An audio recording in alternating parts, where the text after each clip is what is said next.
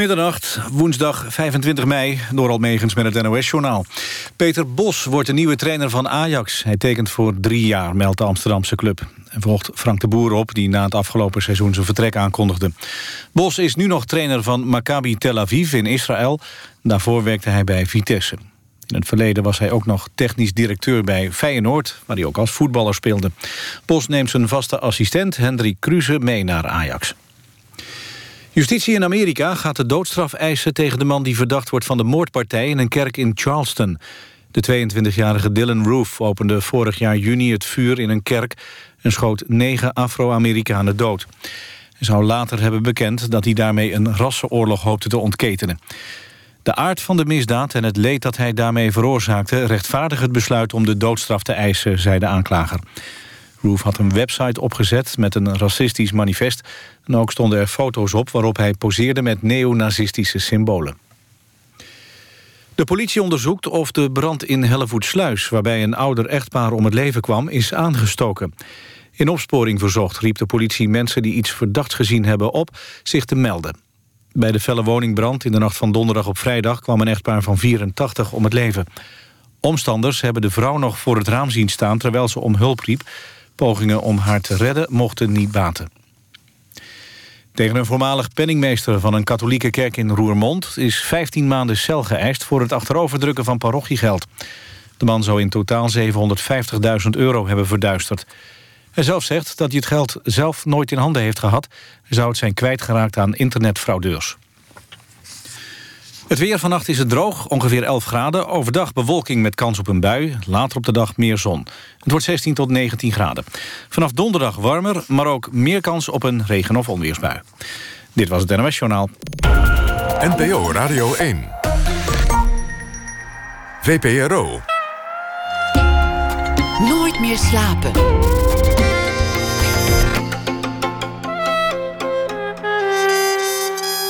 Met Pieter van der Wielen. Goedenacht en welkom bij Nooit meer slapen. Over de avonturen van Eefje Wentelteefje zal het gaan na ene. De achtjarige die al 25 jaar avonturen meemaakt. Ze staat centraal in een nieuw album. Wij willen Eefje Wentel. Teefje, tekenaar Jeroen de Leijer komt langs. Gaan we het ook hebben na ene over de zeven dansers... die begin jaren 90 figureerden in de film In Bed with Madonna. Ze waren mooi, ze waren hip en plotseling waren ze ook wereldberoemd. Maar hoe is het verder gegaan? Filmmakers Rijer Zwaan en Esther Gold die gingen kijken bij de dansers. Maar we beginnen komend uur met Remy van Kesteren... de Nederlandse Muziekprijs. Een prijs waar velen slechts van kunnen dromen. Wordt hem 1 juni aanstaande in handen gedrukt door Jet Bussemaker, minister van Onderwijs en Cultuur en nog wat dingen. Remy van Kesteren is wereldberoemd harpist, een van de meest gevraagde met zijn instrument ter wereld, geboren in 1989. Hij mocht als kind al optreden voor volle zalen en voor de koninklijke familie. Jarenlang toerde hij intensief over de wereld, zo'n 150 concerten per jaar met voornamelijk het klassieke repertoire. Maar meer en meer begon hij de grenzen te verkennen. Samenwerkingen ging hij aan met Herman van Veen, met jazztrompetist Erik Vloeimans, met choreograaf Hans van Manen. Op zijn nieuwste album Tomorrow Ice zijn alle grenzen definitief achter zich uh, gelaten. Jazz, klassiek, pop, wereldmuziek, het maakt allemaal niet meer uit. Het is gewoon muziek. En hij laat ook zijn eigen composities horen dit keer en niet repertoire van anderen. Hartelijk welkom, Remy van Kesteren. Dankjewel. De eerste keer dat je die klank hoorde, je, je was net een beetje aan het inspelen, want je, je gaat ook wat spelen komend uur. De eerste keer dat je zelf die klank hoorde van die harp, weet je dat nog? Ja, dat weet ik, dat weet ik zeker nog. Nou, mijn moeder luisterde sowieso heel veel uh, Ierse muziek thuis. Heel veel verschillende soorten muziek, maar Ierse muziek kwam ook voorbij. En daar zit natuurlijk veel harp in. Dat is het uh, volksinstrument van Ierland. Dus ik kende de klank al. En op een gegeven moment nam ze me mee naar een vriendin. En ze nam me eigenlijk vooral mee om, uh, nou ja, gewoon, je moet iets met je kind. En die vriendin die had een uh, grote tuin met een schommel erin. Dus ik was lekker aan het schommelen. en mijn moeder speelde fluit. En die speelde met een vriendin van haar. Die ging een beetje muziek maken. En op een gegeven moment hoorde ik die harp. Want die vriendin was harpiste. En ik hoorde die klank en ik herkende dat. En nou ja, toen wist ik eigenlijk niet hoe snel ik van die schommel af moest komen en naar boven moest rennen. En toen ik daar die harp zag, toen wist ik zeker dat uh, dat, dat gaat het worden. Maar ja, je bent dan nog niet uh, beslissingsbevoegd. Dus dan kan je wel zeggen, dit gaat het worden. Als jouw moeder toen had gezegd, oh nee, niks ervan. Ja. Dan was het allemaal niet doorgegaan. Nee, ja, dat klopt, ja. Ja, en ik, was, dat was, ik had wel typisch zo'n leeftijd, vijf, zes jaar... dat je dan eh, de ene week brandweerman wil worden... en de volgende week politieman. Maar die harp die bleef eh, in mijn hoofd. En uh, inderdaad, gelukkig uh, ja, liep mijn moeder toe dat ik, dat ik mocht gaan spelen. Ja, dus daar, daar, heb ik, daar heb ik gewoon heel veel geluk mee. Ik heb gewoon een heel lieve, heel slimme moeder. Het is een echt instrument. Het is een instrument dat je, dat je mee de trap op moet zeulen. Het is een instrument dat je, dat je niet op de fiets mee kunt nemen. Het is een instrument dat je omarmt, dat je met heel je lijf moet, moet spelen. Het, Ja. het is een lichamelijk instrument. Het is een, een instrument dat je knuffelt, maar ook waar je mee worstelt. Het doet pijn aan je vingers als je, als je erop speelt. Ja, Een het- echt instrument. Niet, niet, niet iets, iets lafs als een blokfluit. Nou. Dat, dat licht is, dat in een hoesje past... en dat je gewoon meeneemt in een, in een aktentas. Tja, ja, als je het zo wil omschrijven, dat vind ik wel mooi. Nou ja, het is, een- het is zeker een heel fysiek instrument. Het is een, een ja, je moet er echt induiken. En dat vind ik ook het mooiste om te doen. Echt in die, ik wil eigenlijk in die harp verdwijnen af en toe. En het mooiste aan het instrument is dat je echt, ja, je hebt het echt in, in, in je eigen vingers. De klank kan je zo maken. En elke plek op de snaar waar je de snaar raakt, zorgt voor net een andere klank. Elke plek op je vinger waar je hem dan weer aanraakt, eh, afhankelijk van je huid en de conditie van je huid, zorgt er voor een andere klank. Dus je hebt zoveel, zoveel mogelijkheden. Ehm, alleen al qua klank. Ja, dat is. is nee, ik- ken zelf geen ander instrument dat dat op die manier heeft. En, eh, De conditie van je huid. Want voor elk instrument moet je je vingers in een bepaalde conditie krijgen. Qua Eelt helpt voor, een, voor iemand die contrabas speelt. ja. Maar hoe zit dat met een, met een harp? Moet je, moet je wel of niet eelt hebben? Nou, het is een beetje precair. Het zit er ergens tussenin. Een beetje eelt. Ja, een beetje eelt. Maar eh, te veel eelt is een, heb je een, dan krijg je een lelijke toon, want dan is hij hard. Dus dan kan je niet echt mooie ronde, eh, ronde klank krijgen. Te weinig eelt, je krijgt blaren. Eh, ja, ja, dat wil niemand. Eh, dus dat, eh, Wa- Wat doe jij dan met je vingers? Heb je, heb je daar ik moet een beetje veilen. voor? Eh, een beetje veilen, maar ik heb het idee dat mijn vingers inmiddels geaccepteerd hebben dat het harpvingers zijn. Want ik hoef er eigenlijk niet meer zoveel aan te doen. En ze blijven eigenlijk gewoon heel prettig, gewoon precies op de manier hoe ik ze wil hebben. Is het dan ook zo dat je aan het eind van een lang optreden bloed aan je snaren hebt zitten? Of, of, of Nee, dat, is, aan je dat toppen? heb ik zeker wel gehad. Maar dat is meestal een teken dat je of niet goed eh, of niet genoeg hebt gestudeerd. Dat je vingers te weinig gewend zijn. En dat gebeurt natuurlijk vooral eh, na vakantie of zo. Dus ik heb inderdaad wel. eh volgens mij echt serieus een keer.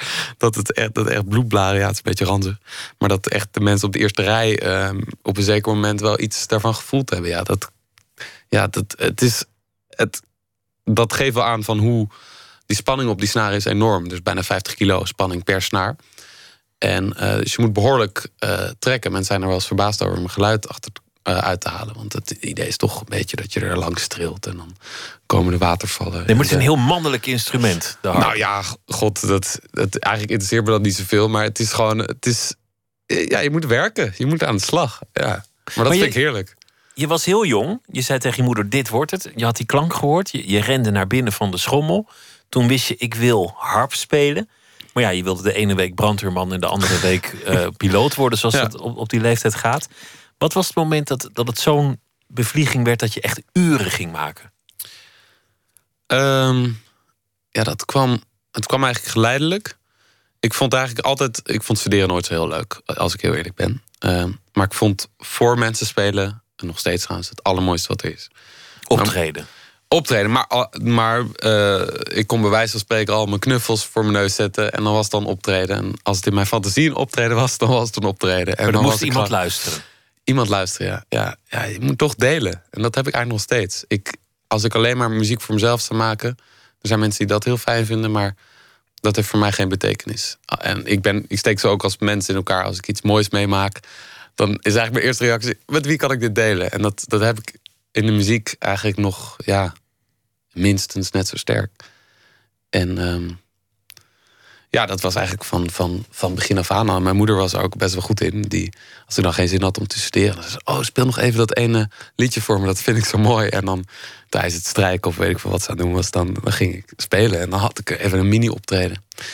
Maar dat ik echt. ehm, als een bezeten ben gaan studeren. Dat is toen ik naar, toch naar het consortium ging. Toen, toen werd het echt wel serieus. Ik ben op mijn tiende naar de jong talentklas gegaan. Maar toen deed ik gewoon nog school daarnaast. Maar toen school eenmaal achter de rug was... en ik echt fulltime uh, kon studeren... toen ja, zat ik acht uur achter de, achter de harp per dag. En, acht uur elke dag, zeven dagen in de week? Ja, ja, en ik was, ik, ja, ik wilde gewoon, uh, ik wilde alles kunnen. Ik wilde de, ik wilde de beste worden. Uh, ik was heel fanatiek. Ik wilde al die stukken leren.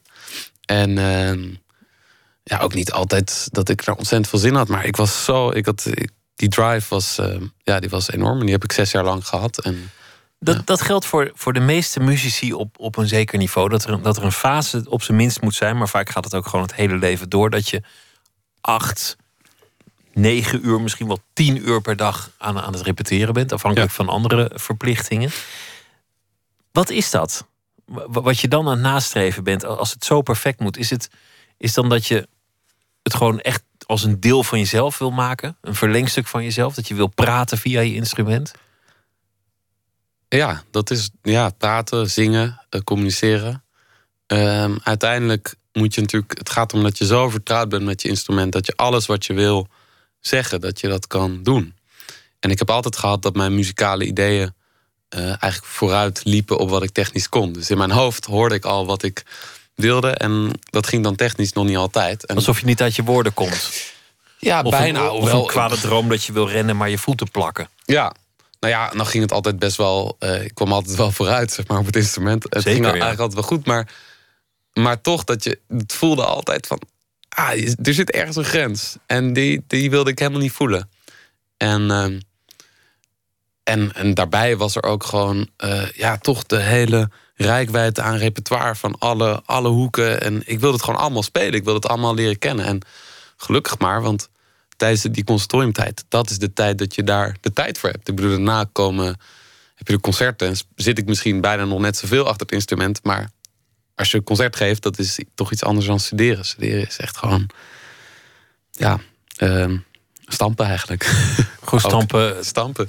Doorgaan en heel gericht. Ja, technieken oefenen, echt de, de saaiste dingen. Maar het moet allemaal, uh, en je moet dat blijven doen. Die regelmaat is heel belangrijk. Want het gaat dan ook over of, of je met tien vingers of met acht vingers uh, speelt. Dat, dat soort vragen komen bij, bij harpisten dan kijken, heb ik begrepen. Uh, nou ja, ja, harp speel je eigenlijk gewoon met acht vingers. Maar op een gegeven moment had ik bedacht, waarom eigenlijk? Ik heb er tien. ik heb er toch echt tien. En, um, en ik heb vrij grote handen. En, op, ja, en als je handhouding iets aanpast... Nou ja, toen dacht ik ineens, hey, dan kan ik toch die pink gebruiken. En, dus ik ben dat gaan trainen. Dus ik ging ook, uh, ik heb een paar jaar lang alleen maar, of nou niet alleen maar ook gespeeld, maar een van mijn oefeningen was allemaal toonladders met mijn vierde en uh, mijn vijfde vinger. Uh, om die pink te trainen. Want die liep natuurlijk, was leuk bedacht met tien vingers spelen, maar die pink liep natuurlijk, weet ik veel, twaalf jaar achter of zo qua ontwikkeling. Dus die moest even bijgeschoold, bijgeschoold worden. Stoomcursus voor de pink. Stoomcursus harp spelen voor de pink. Ik wil je vragen om je naar je instrument te begeven. Okay. De harp staat hier in de studio. En een, een, een stuk te spelen naar, naar eigen keuze. Oké, okay, moet ik eerst zeggen wat ik ga spelen? Of ga ik eerst spelen en dan... Wat jij wil. Uh, ik ga even spelen. Ja, ik ben heel benieuwd.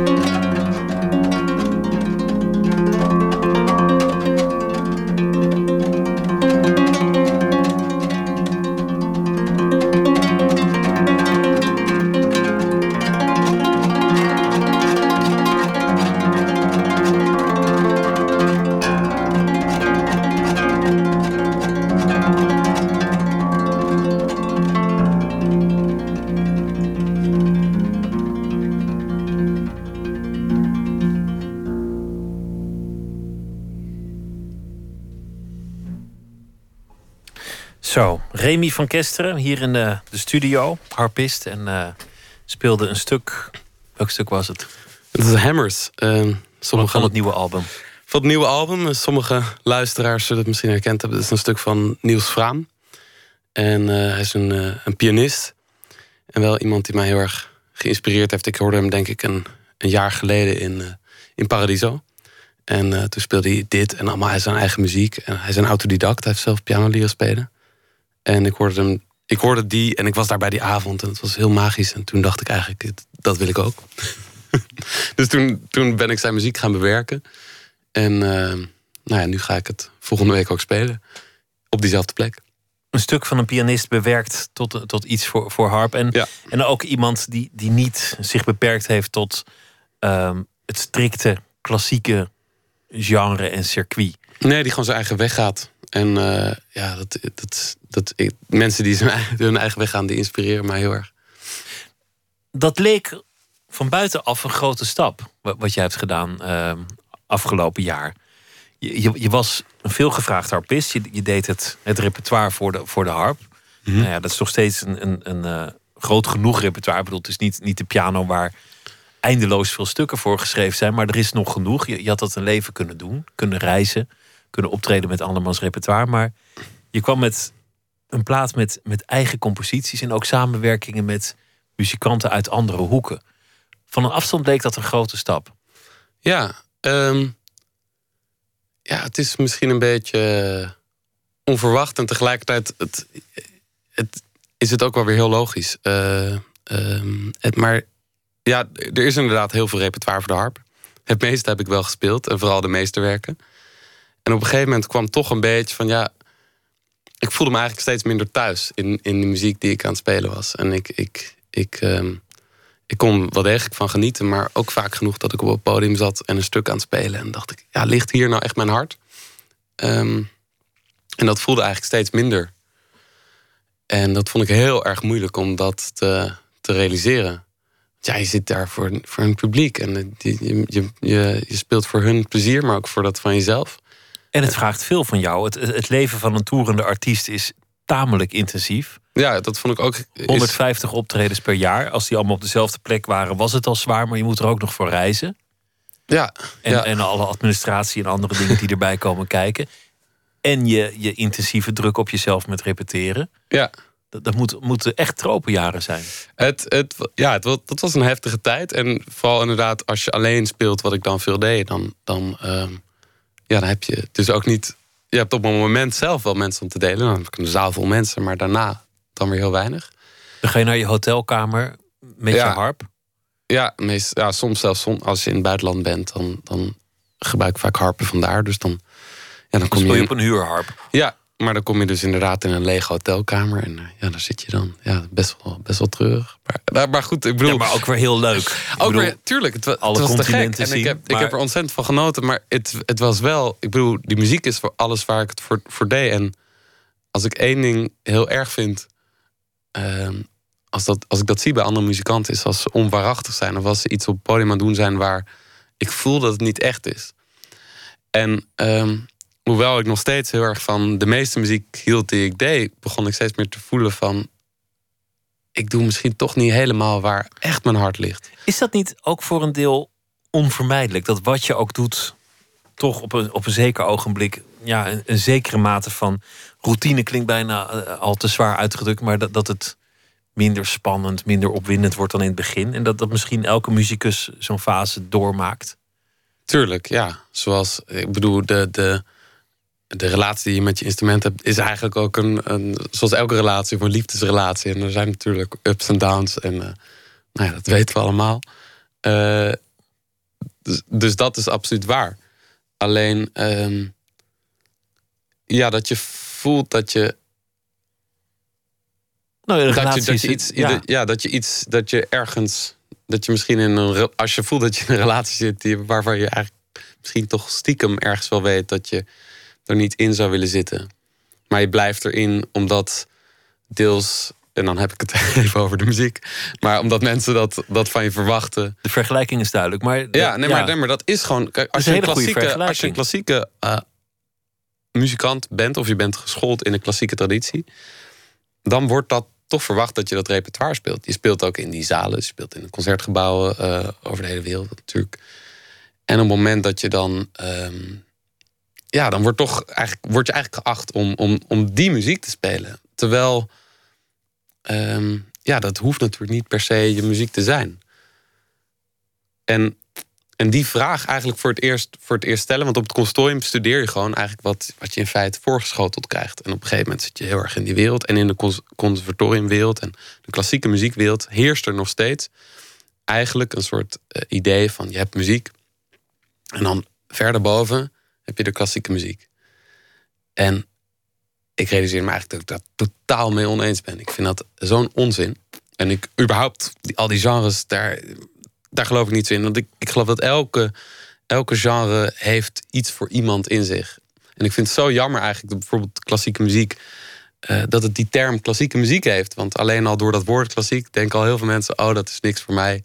En de, de beelden met, van de pruiken en de oude mensen doen me meteen op. En dat is onzin. Ik bedoel, dat kan natuurlijk, maar er is, er is ik weet het absoluut zeker, er is, er is voor iedereen één stuk dat je voorgoed verliefd maakt op een klassiek werk of de klassieke muziek. Maar net zo goed is er voor iedereen een jazzstuk. Terwijl mensen zeggen, ja, ik hou niet van jazz, te druk of dus zo. Die er zijn honderd soorten jazz. En, en dit, dit is onuitputtelijk. En het is zo zonde om jezelf te beperken. En toen dacht ik eigenlijk van ja, dat vind ik. Maar waarom beperk ik mezelf eigenlijk nog? Waarom zou ik gewoon zelf ook niet gewoon zeggen: ik ga gewoon. De enige beperking die me opleg is dat ik goede muziek wil spelen. En waar het vandaan komt, wanneer het geschreven is, maakt me eigenlijk geen donder uit. Waar was je naar op zoek? Want je zei: ik, ik wil op dat podium staan en, en, en voelen dat er een soort urgentie zit bij mezelf, een soort spanning misschien. Wanneer weet je dat het, dat het goed is? Waar, waar zocht je naar?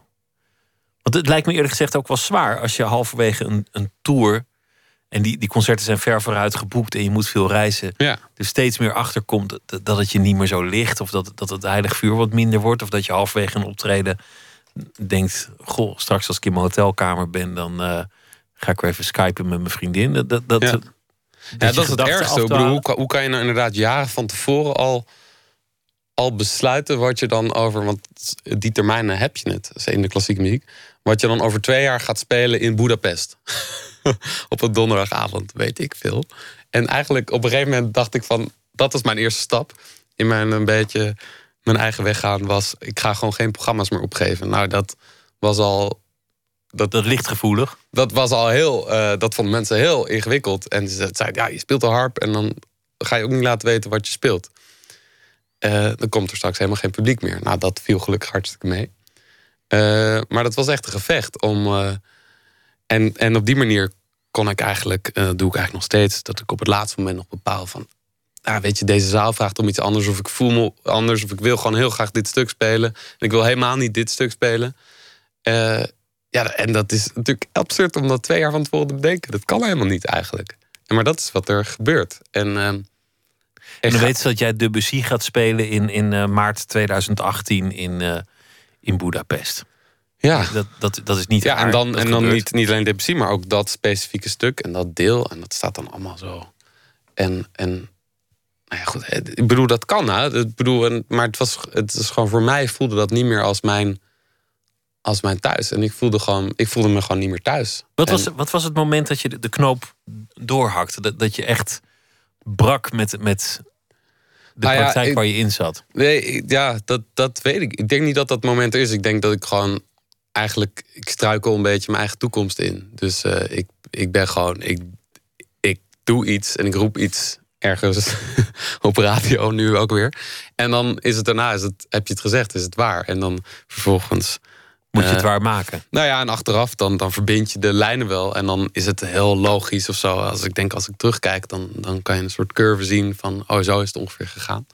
Maar op dit moment doe ik gewoon wat ik voel. En, en, en probeer ik zo, zo eerlijk mogelijk daarnaar te luisteren. Het moeilijke van de harp is allereerst het volume. Maar dat, ja, je kunt het versterken. Je hebt ook een elektrische harp. Maar als je gaat spelen met een rockbandje... dan lijkt me het ingewikkeld dat je moeilijk boven de, de drums uitkomt. Ja, maar dat geldt ook voor de gitaar. Als je het niet versterkt. Ja. Tuurlijk, ja. Dus, dus dan pak je een elektrische gitaar. Dus pak je een elektrische harp. Dus dat kan eigenlijk wel. Ja, tuurlijk. Een ander, Zelfs met die, die suffe blokfluit van jou, die zou je ook nog kunnen versterken. Dan kan je misschien ook nog best wel heel jazz op een tof, blokfluit. tof in een uh, rockbandje spelen. Het zal vast een keer geprobeerd zijn. Maar een, een ander iets wat, wat me moeilijk lijkt, is dat je, dat je niet een hele lange toon kan maken. Wat, wat met geïmproviseerde muziek of populairdere muziek natuurlijk vaak een manier is om, om in improvisaties toch uit te komen. Ja, dat was ook wel een. ehm, ik heb ook op een zeker moment eigenlijk gedacht: die hele harp, die mag van mij. Ja, ik wilde er eigenlijk mee stoppen. Dat was, toen was ik denk ik 16, 17. Om die reden. Omdat ik. Ik denk eigenlijk, muzikanten zijn eigenlijk gefrus- gefrustreerde zangers. eh, of eigenlijk net mislukte zangers. En je, je, want je probeert toch te zingen op je instrument. Daar gaat muziek over. Ik bedoel, er is niks wat zo dicht bij muziek komt als stem. We hebben hem allemaal. En op het moment dat iemand zingt, dat is de meest directe connectie die we daarbij voelen. Daarom, daarom ja, we houden, iedereen houdt daar wel van. Van een bepaalde stem of een bepaalde zang. En op je instrument probeer dat natuurlijk. En ja, inderdaad, het harp, die tokkel je. Dus zo'n snaar, ja, je kan hem één keer, je kan hem niet aanhouden. Die kan niet langer duren. Eh, ik bedoel, alles klinkt wel eindeloos door. Als ik een C speel dan, en we praten even door, dan klinkt die straks nog steeds. Als je heel goed luistert. Maar ehm, het, het, je kan niet dat indringende geluid wat, wat een stem heeft, die kan, die kan aanzwellen, maar wat bijvoorbeeld ook een viool heeft. eh, ja, dat heb je niet op een harp. Dus op een gegeven moment dacht ik echt, die hele harp, ik stop ermee, ik ga viool spelen. Ehm, maar, eh nou ja, goddank heb ik dat niet gedaan. En nu heb ik bijvoorbeeld een elektrische harp. En ja, daar heb ik, eh, dan heb je zo'n hele doos met effecten. En daar heb ik een paar effecten. En dan kan ik een noot spelen. En die kan ik ineens wel heel lang laten aanhouden. Dan kun je hem een echte harp laten gieren. Dan kan je een- ineens de harp laten gieren, ja. ja een soort eh, Jimi Hendrix. De Jimi Hendrix van, van, van de harp. Je, bent, je bent gaan samenwerken met, met verschillende muzikanten. Je bent eh, in de leer gegaan om, om te leren componeren. Dat, dat is ook een grote stap. Want, ik bedoel, je kunt heel mooi spelen, maar kun je ook dingen verzinnen? Wanneer wist je dat je dat kon? Eh, nou, eigenlijk in zekere zin vrij vroeg. Want toen ik heel jong was, speelde ik altijd al... verzon ik liedjes. Maar ik nam dat nooit heel serieus. Dus het waren gewoon meer improvisaties die ik dan onthield. Bij wijze van spreken. Ehm, en componeren, dat, dat, daar had ik altijd een wel behoorlijk verheven beeld van. Ik dacht, ja, dat is echt, dat moet toch van boven worden ingestraald. En dat is eh, mij niet weggelegd. Dat komt ook natuurlijk uit, de, uit, ook weer uit die klassieke muziektraditie. Waar je dan de grote genieën hebt als Mozart en, en, en Beethoven. ja. En dat, en, dat het wordt en, en het gescheiden werelden zijn. Je hebt de uitvoerders, nu nog steeds. En dan heb je de componisten. Wat wel grappig is, want bijvoorbeeld vroeger... een, een Liszt of zo, die, die componeerde... die, die speelde het allemaal zelf. Eh, dus toen was het wel ge- gewoon omdat te, dat dat in één persoon zat. Maar nu niet. Dus dat waren eigen gescheiden werelden. En ik had dus echt het idee van... ja, ik, ik heb nooit een... eh, zoals Bach, dat ik ineens een, een, een... of één ding hoor en dan meteen het helemaal kan opschrijven. Ehm, dus, dus ja, het zal wel niet aan mij, eh, voor mij weggelegd zijn. Ehm, en toen ging ik inderdaad in de leer bij Willem Jets les gehad, de componist des Vaderlands. En eh, bij Martin Fonsen, met wie ik ook het album heb gemaakt. Die, die prachtige jazz-arrangementen maakt. En, en, Ja. eh, heel veel dingen. Maar jazz eigenlijk alles. muziekarrangementen zou ik Ja. willen. Het eh, overstijgt de jazz op mij dat. Maar eh, eh, en zij maakten het heel erg eh, inzichtelijk van ja, je hebt een idee. Dus je hebt als je en als je vier noten bedenkt, dan heb je misschien al wel genoeg materiaal voor een symfonie. Als je maar lang genoeg husselt en een andere volgorde zet, verschillende combinaties maakt. En nou, zij, zij liet eigenlijk zien dat componeren heel erg een arbeid kan zijn. Ik bedoel, er zijn zeker componisten die het misschien echt wel ingestraald krijgen of zo. Maar eh, als je wil en je neemt je eigen ideeën serieus, neemt jezelf serieus, eh, dan, eh, dan, kan je, dan kan je het gewoon doen. Dan moet je, het- en dan moet je het gewoon doen.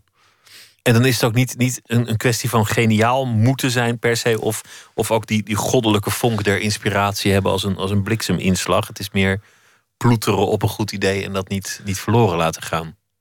Ja, ja en, en ja, ook daarvan eh jezelf ook niet te snel veroordelen. Ik weet nog goed de eerste les dat ik bij Willem Jets kwam.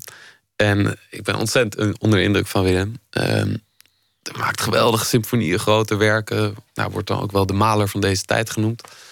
En ehm, ik ging naar hem toe en ik had eigenlijk alleen maar een idee voor een heel simpel stukje. En toen dacht ik, oh ja, oké, dan, eh, ja, gaat hij me natuurlijk. eh, ja, dan kom ik de eerste les niet door. Wil hij me nooit meer zien. Is toch goed genoeg, dacht je? Ja, nou ja, ik, dat, ja, ik dacht dat is. Dat, ja, nou goed, ik weet niet. Ik dacht in ieder geval, ik moet hier, ik moet, ik, kan dit niet zo simpel laten. Dus ik ging allemaal dissonanten, rare noten bedenken, een paar heel vreemde akkoorden. Ik dacht, dit klinkt nu in ieder geval wel een beetje academisch. Ik had er een soort gedachte bij. Dus ik dat aan hem vertellen. En hij, is, hij pakt dat stuk en gaat achter de piano spelen, speelt een paar maten.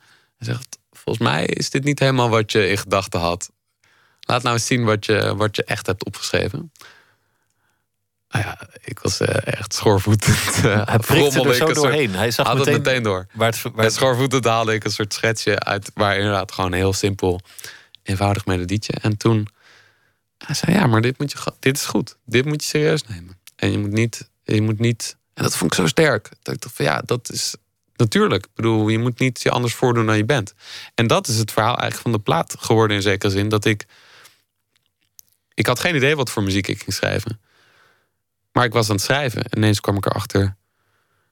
Hé, hey, wacht, dit is geen klassieke muziek. Ik heb hier geen strijkkwartet voor nodig. Ik heb hier een drummer bij nodig. En ik dacht dat ik heel ingetogen eh, liedjes zou maken... of, of, of nou, stukken of wat dan ook.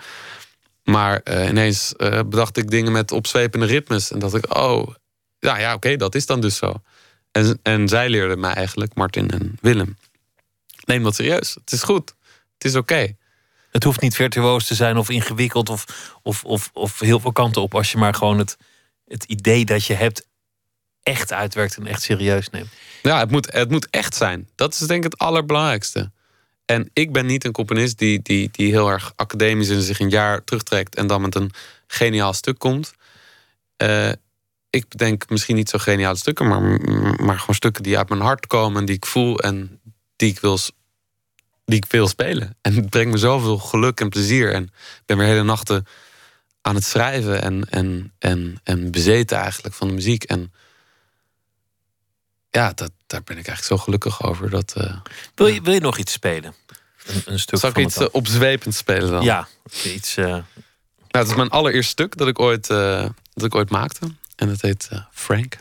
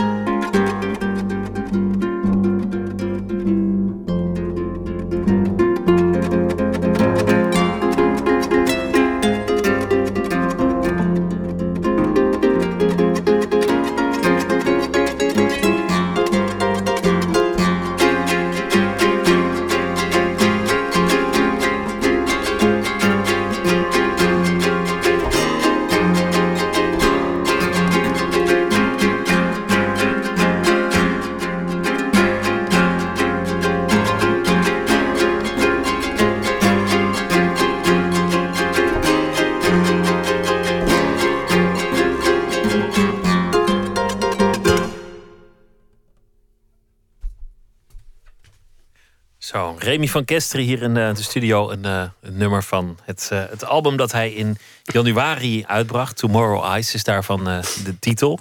Het eerste stuk dat je zelf ooit componeerde. En was dit ook het stuk waarmee je dan bij, bij ehm, de docent aankwam en zei... Dit is het, of was dat, was dat een ander stuk? Nee, dat was nog meer sorry, een, een soort oefeningetje. Dit kwam heel snel daarna, denk ik. En ehm, ik bedoel, uiteindelijk, dit is eigenlijk een stuk met drums en met een hele band erbij.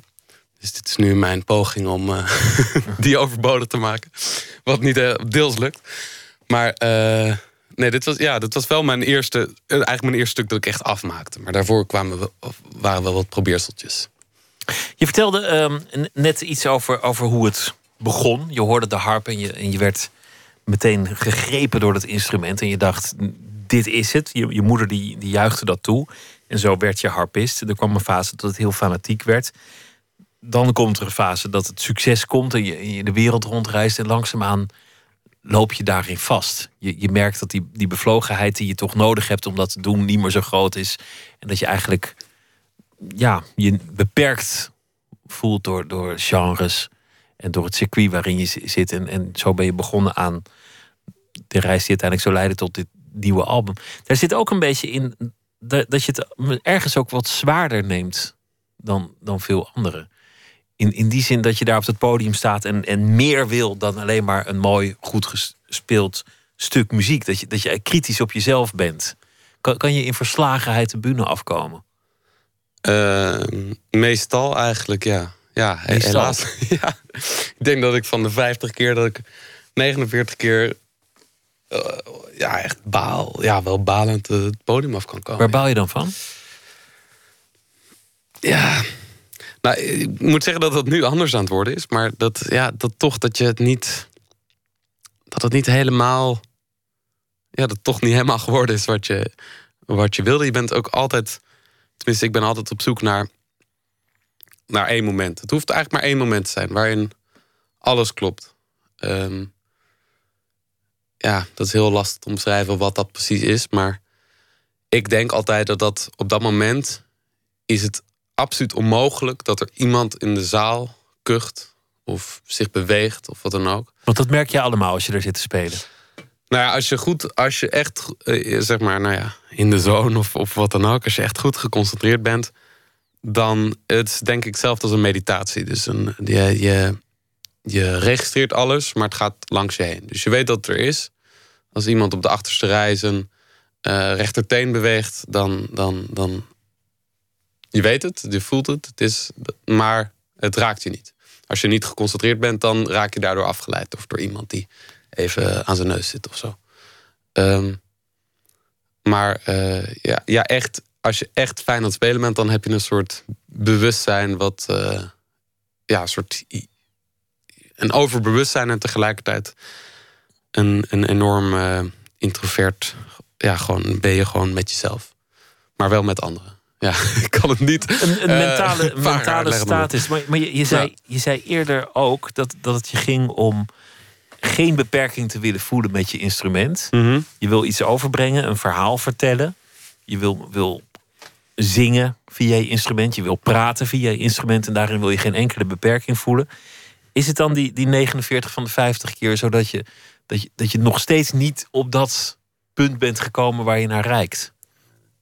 Ja, nee, ik ben. ben eh, ja, ik bedoel, ik ben heel vaak eh, onzeker. En dat vind ik helemaal niet erg. Ik denk, iedereen is onzeker.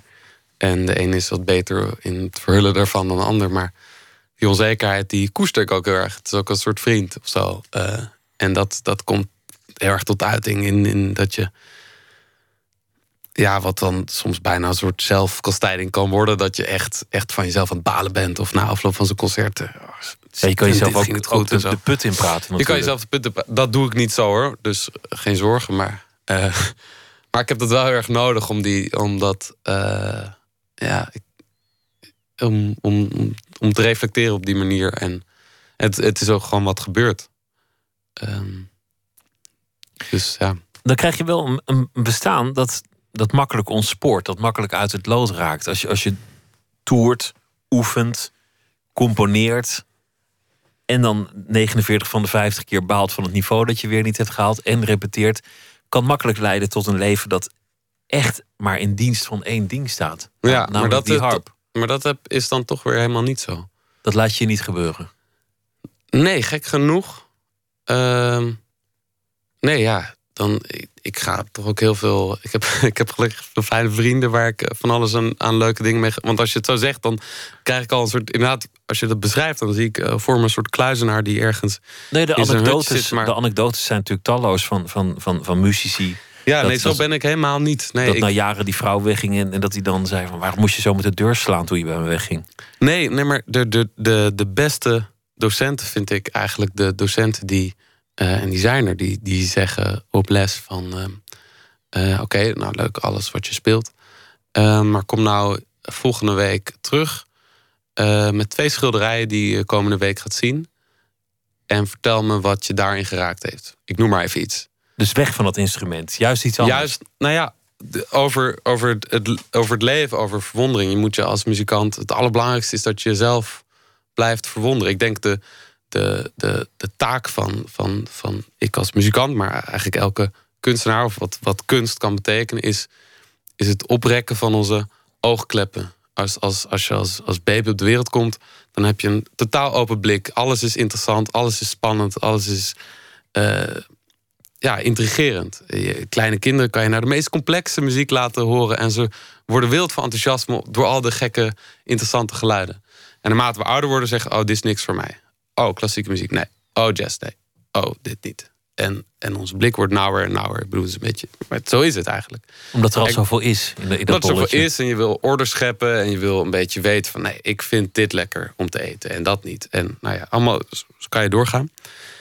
En de taak van kunst is van toch een manier vinden om bij mensen iets los te maken. Dat ze denken, vrek, is dat wel zo? En dus moet je het eerst bij jezelf doen. Je moet zelf Ja, je moet je blijven verwonderen. Als je niet meer, vallen aan, aan die blikvernauwing. nee, als je, als je niet meer verwondert, dat is eigenlijk de dood in de pot. En daarom maakte ik me zo zorgen eh, over mezelf. Ik denk dat, ik ook me niet meer aan het verwonderen was... terwijl ik aan het, zelf aan het spelen was. Over mijn eigen spel dacht ik van ja, ik weet al hoe het gaat. En, En voor je het weet ben- ben je iemand geworden die je zelf niet wilde worden. Namelijk iemand die toch gewoon zijn repertoire speelt. En het elk jaar gepassioneerd en goed doet. Maar niet meer op ja, het scherpst. vastlopende plaat of zo. Ja, dat is toch... Ja, nee, dat, dat, eh, ja, dat is echt het angstbeeld. En gelukkig, is- dat was een tijdje even dichtbij. En ik voelde dat het soort naderbij komen van... Oh ja, straks is het op. Eh, en dat is best snel. Als je, ja, ik was toen 25 of zo. Ik denk dat En het nu- ook, ook met, met de staat van het brein te maken heeft trouwens. Wat, wat jij zegt, hè, van jonge mensen die staan open voor nieuwe dingen. En, en oudere mensen die willen steeds vaker hetzelfde. Gelukkig niet allemaal. Maar dat heeft volgens mij ook te maken met of, dat, of die hersenen nog een beetje soepel zijn. En nieuwe verbindingjes aan kunnen. Ja, nee, precies. Maar ja, dat als, als kunst ergens toe kan dienen, is ook dat het brein even goed eh, weer in de war schudden of weer even wakker maken. En, en En- scherp houdt, ja. Ja, dat, dat, en vooral van de moderne kunst vind ik dat het mooiste. Dat je, dat je dan dingen ziet waarvan je denkt, hè, maar dat had ik nou nog nooit eh, kunnen bedenken. Of dat had ik nog nooit bij stilstaan. Dat je, ehm, nou ja, wat dan ook. En muziek. Waardoor muziek je weer met andere ook. ogen Ja. naar. Ik bedoel, mensen doen bijvoorbeeld over moderne kunst eens van ja, eh, weet je wel, oh, lelijk schilderij. Of, of ja, had mijn kindje ook kunnen doen. Ja, dat zal allemaal wel. Maar juist dat is toch heel mooi. Dat je dus iets ziet waarvan je denkt van, oh, dat kan misschien iedereen. En vervolgens kijk je met, kijk je misschien naar de tekeningen van je kind wel op een heel andere manier. Of, of, of je ziet ergens een soort ding wat op een vuilniszak lijkt. En vervolgens loop, wat heb, heb ik? Dan loop ik naar buiten en dan, dan ja, dat klinkt misschien een beetje zweverig, maar dan kan ik ineens naar een vuilnisbak kijken en denk ik, is wel een wonderlijk ding eigenlijk, of wat, wat mooi of zo. Of, of, of, en zo kan je bijna bij alles, eh, moet je toch weer als een, als een kind, weet je wel, die in een rijdende trein zit en denkt, oh verrek, dat ding rijdt. Maar, er zitten zoveel mensen in. zozeer als je nu spreekt met blije verwondering. En dat ook, dat ook een, een deel van jouw bestaan is. Heb je volgens mij ook af en toe wel een, een. Kun je ook tamelijk zwaar op de hand zijn bij vlagen. Klopt dat? Ja, nee, dat is eigenlijk mijn, mijn, mijn, mijn, ja, dat is waar ik dan, als ik in mijn eentje ben, Op die hotelkamer in, in Leipzig. Ja, en dan is het s'avonds en dan, dan komt de, de zware kant eh, wel heel erg naar boven, ja. En wat is dat? Maar het is de wereld waar we in leven. Ik bedoel, ik vind eigenlijk dat we met zoveel mensen... eh, aan de ene kant is het nog verwonderlijk dat het nog niet, dat niet veel slechter is. Maar ja, het is ook niet heel, om heel vrolijk van te worden... hoe we, wat voor zooi we er met, met elkaar van maken. En hoe we met elkaar omgaan. En, eh, Dat zijn ook Dat, thema's ja. die, die je probeert aan te snijden. Zij het niet altijd met, met tekst en, en woord op je albums. En thema's die wel terugkomen. ja, dat, dat, De vluchtelingencrisis. Ja, nou, dat is, ja, god, dat is iets wat, wat, waar je niet omheen kan. En zeker niet als, ja, als, als, als muzikant of wat dan ook. Het is er gewoon. En, ehm, en je moet iets. Maar ja, dat vind ik dan ook weer heel suf. Want het is niet alsof een, een iemand uit Syrië gevlucht is, iets heeft aan dat ik een liedje maak. Ehm, tegelijkertijd, dat is wat ik kan. En, en als muziek iets kan geven, is het hoop. En, en, en hoop is, is, is toch wel ja, het allerbelangrijkste. Is in ieder geval wat ons allemaal gaande houdt. Ondanks alle shit die we tegenkomen. Dat we toch weer hoop hebben dat het beter wordt. Dat we vertrouwen hebben van, nou, als we morgen wakker worden kunnen het misschien toch veranderen. Of we kunnen toch iets beters maken. Of we kunnen het er een eigen draai aan geven. En, en ik vind de boodschap, wat nu langzaam in de muziek aan het ontstaan is, namelijk dat, en ook in mijn eigen muziek, dat grenzen overbodig worden of overbodig zijn. Of eigenlijk, waarom zouden we het überhaupt nog over die grenzen hebben? Vind ik een hele mooie boodschap ehm, voor de wereld. Wat, waar hebben we grenzen eigenlijk voor? Waarom, welk doel dienen ze behalve dat ze ons verdelen en dat ze Zo'n klein blauw bolletje ergens in het universum en dan heb je daar streepjes op getrokken. Dat is eigenlijk zonde. Ja, het is een bullshit. Ik bedoel, wat geeft mij nou meer recht om hier te zijn dan iemand anders? En ik weet wel dat het allemaal uh, linkse ideeën zijn. En van, uh, weet je wel, een, jong, een jongere die, die, die allemaal nog eh, geen ervaring heeft en zo. Dat, dat cynisme, maar dat vind ik nog misschien nog wel erger. Dat we zo cynisch zijn. Dan denk ik, dat vind ik echt, daar kan ik echt zo kwaad om worden. En die dan allemaal wat dingen roept. En ja, dan wil ik af en toe gewoon schreeuwen en zeggen van hou gewoon je mond, weet je wel. En denk gewoon aan elkaar. En we zijn hier gewoon met elkaar. We moeten dit delen. We moeten het samen toch rooien. En um, ja, iets wat zit ik nou, ja, nee. Maar ja, echt, dat, ik, kan me daar zo, ik maakte me daar zo kwaad om. Maar dan, dan vind ik iets, iets anders interessant ook nog. Namelijk, je zei van in de, in, de, in de klassieke muziek heb je een onderscheid tussen zij die musiceren en zij die componeren. En, en zelden ontmoet het elkaar. Jij bent ook een, een uitvoerend artiest die met zijn persoonlijkheid op dat podium staat. Daar mhm. staat iedereen natuurlijk altijd met zijn persoonlijkheid op het podium. Maar bij jou reikt het ook verder. Je wil ook dingen vertellen over je, je gedachten over muziek, over, over de wereld. Je, je, je maakt ook show. Je denkt ook na over, over het visuele aspect. Ja. Je, je denkt ook na over, over theatrale kanten van je, van je muziek. Eigenlijk lijkt dat veel meer op de rock'n'roll, waar, waar heel erg over dat soort dingen wordt nagedacht. Terwijl in de klassieke muziek dat uiteraard ook gebeurt, maar wat besmuikter. Dat, dat is... Nou ja, er, er, is vanuit de klassieke muziek is er gewoon een, een toch een, een gedachte over muziek dat muziek toch heilig is. En of, of, of bijna heilig is. De muziek die dan jaren geleden um, geschreven is, die moet toch vereerd worden. En daar moet je heel trouw aan blijven. En dat is de traditionele gedachte. Hè? En als muzikant ben je eigenlijk uh, ben je in dienst van. Ja, je hebt wel grote sterren, weliswaar. En die, en die hebben ook wel degelijk een, een imago. Die willen ook de mooiste foto op hun, op hun album. Maar ja, ah, dat is ook iets van de. Van, ja, dat is wel iets van de laatste, laatste jaren dat dat opkwam. Want in de, in, de, in de traditie is dat gewoon eigenlijk de uitvoerder is, staat gewoon in dienst van. En en eigenlijk ben ik daar gewoon totaal mee oneens. Want ik ga veel liever naar een, uh, een, naar een doodsaai stuk luisteren, gespeeld door een van mijn muzikale helden, dan naar Beethoven uh, vioolconcert, gespeeld door een violist die ik die manier aanstaat, bij wijze van spreken. En heb ik liever dat, dat een van mijn helden, zoals Sergej Khatchatrian of uh, Blechat op de piano, dat die altijd eens Korjaki ziet spelen dan kom ik. Ik betaal, ja, daar betaal ik uh, rustig 50 euro voor, geen probleem. Um, dus het gaat me echt om die muzikant en wat hij vertelt. Want ik weet zeker dat hij, als hij dat speelt, dat ik dat nooit anders kan horen. Als hij dat uitkiest en, en daar iets mee wil zeggen, dan zal het wel goed zijn. Ja, dat vind ik zoveel interessanter dan, dan, dan uiteindelijk dan dat stuk op zich. Hoewel dat een prachtig stuk kan zijn. En um, ja, ik had ooit, ja, het is een beetje een lang verhaal, dus ik weet niet of het de tijd voor maar Um, ik was in, uh, ooit in Parijs toen een beetje dat inzicht voor het eerst kwam. Ik moest Bach spelen. Nou, er zijn natuurlijk al heel veel gedachten over Bach, hoe je dat moet uitvoeren. En het was in een concours. Nou, ik had gespeeld en bijna de hele jury viel over me heen. Van, nou, zo kan je het echt nooit, zo kan je het helemaal niet spelen. En toen, um, ik, ging, ik ging wel door naar de volgende ronde. Maar er zat een paar dagen tussen. En toen ging ik naar een museum, een Musée d'Orsay. En daar hing een werk van uh, Manet. Uh, Déjeuner sur l'herbe, een prachtige schilderij met die naakte vrouw en de bos die aan het lunchen zijn met geklede mannen. En het was een speciale tentoonstelling met allemaal interpretaties van Picasso op dat originele schilderij. Dus er hingen vijf zalen, geloof ik, vol met allemaal beelden van Picasso. Allemaal geïnspireerd op dat schilderij, maar natuurlijk in de stijl van Picasso. Dus ineens zat het hoofd zat, uh, ter hoogte van de knie. Uh, de arm uh, was in het paars en die, die, die bungelde ergens aan de rechterkant. En op elk schilderij was het weer op een andere manier. Maar het was steeds, het dwong je weer om terug te gaan naar het origineel. En weer te kijken en open ook weer je ogen. Je kijkt ook weer met andere ogen. En toen dacht ik ineens, hoeveel interessanter is dit?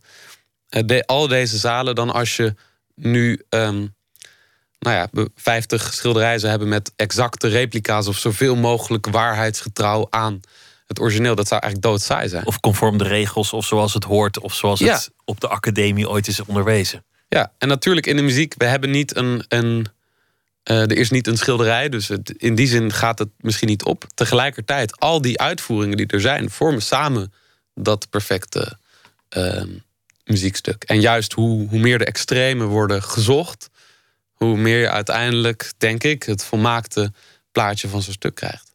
En eh, En ook dat is nog persoonlijk wat dan volmaakt is natuurlijk. Dat... tuurlijk, dat is er natuurlijk ook helemaal niet. Dat is, dat is nog het meest grappige eigenlijk. Wil je nog iets spelen trouwens? Dat vind ik wel leuk. Want die harp staat er, die heb je helemaal hier, hier de trap opgezult. Ja, dat is goed. Waar dacht je aan?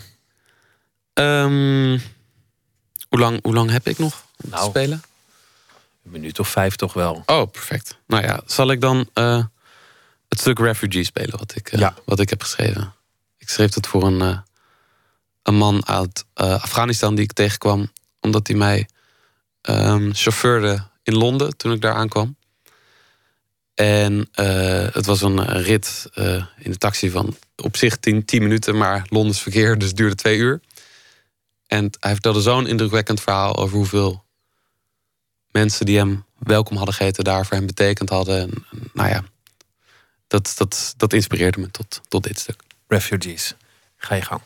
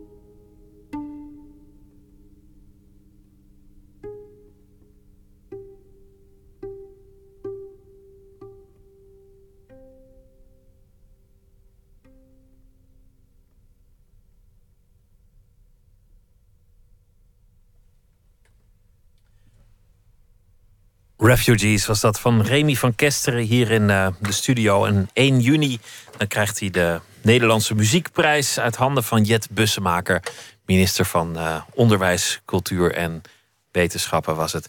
En uh, Tomorrow ja, dat is vooral Ice. ook een, een concert, hè? dus uh, mensen kunnen er ook nog naartoe. in Paradiso. In Paradiso is Ja. dat. En dan, dan organiseer jij, eh, of wordt er rond jou een avond gehouden. Ja, ja met, ik heb met heel veel gastmuzikanten. Wat gaat er allemaal gebeuren? Ja, ik, ik, ik kom eigenlijk neem een hele band mee. Dus er is een eh, geweldige drummer, eh, eh, Joost Koon. eh Ties Mellema, die speelt op saxofoon. En Martin Fonsen, die speelt zelf ook de toetsen in mijn bandje. Dus dat is te gek. En verder komen er gasten als Erik Vloeimans en Michael Prins, die geweldig zingt. En eh, ja, ik zie er zo naar uit, want dat is voor het eerst dat we het echt live gaan spelen. Dat is, ik vind het doodeng, moet ik heel eerlijk zeggen. En in Paradiso, een, Ja, plek waar, je net al aan refereerde. Om, om- Ja. Omdat dat een van de plekken was waar je naar keek en dacht... dat zou ik eigenlijk wel willen. Ja, ja. Ja, ik bedoel, ja, dat is, dat is echt die, juist die, die, die popwereld, daar, daar weet ik eigenlijk nog niks van. Ik heb altijd in een concertgebouw gespeeld en ja, dat is, prachtig en dat, daar speel ik heel graag. En tegelijkertijd, ja, dit lonkte wel. Ik dacht, ja, nu is een keer zo'n popzaal, omdat het publiek staat en een heel andere dynamiek. En ik heb nu natuurlijk wat rustiger muziek gespeeld, omdat ik ook alleen ben. Maar juist daar ook, ook de uitdaging om het ook weer helemaal op te bouwen en eh, dat het ook helemaal losgaat. Ja, dat, ja, ik heb er zoveel zin in. Ik kan het bijna niet, eh, eh, ik kan bijna niet beschrijven, maar dat wordt echt, eh, wordt echt gek. Ik wens je heel veel plezier Dankjewel. ook. En dat Ja, is lukken. 1 juni in Paradiso zal het, zal het plaatsvinden. Remy van Kesteren, dank je wel. Veel plezier en succes en dank je wel. Zometeen gaan we het hebben over de dansers uit de film In Bed With Madonna uit 1991. Toen waren ze wereldberoemd, hip en ambitieus. Maar wat is er eigenlijk eh, van ze terechtgekomen? Daar is een film over gemaakt en Katelijn Schilder heeft een verhaal geschreven bij de voorbije dag. En we gaan het ook hebben over Eefje Wentelteefje. Want er is een nieuw stripboek over deze absurde stripheld. Dat allemaal zometeen. Twitter, het VPRO NMS. We zitten op Facebook en u kunt zich abonneren op de podcast via de website van de VPRO of gewoon via iTunes.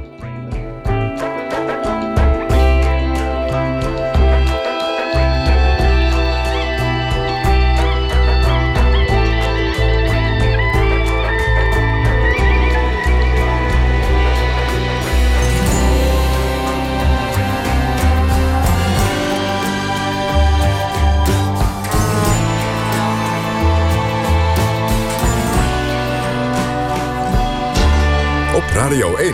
Het nieuws van alle kanten.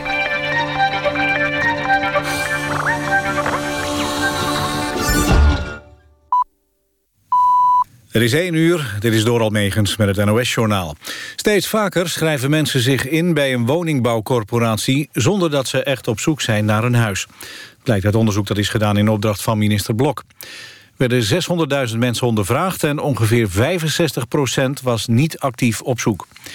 Een van de redenen is dat ze alvast inschrijftijd willen opbouwen... zodat ze een langere inschrijftijd hebben op het moment dat ze wel willen verhuizen. Uit het onderzoek blijkt verder dat er forse regionale verschillen zitten... in de periode waarin mensen staan ingeschreven. In Amsterdam is dat gemiddeld 9 jaar... en in de regio Haaglanden verhuist men gemiddeld... na bijna drie jaar na de inschrijving.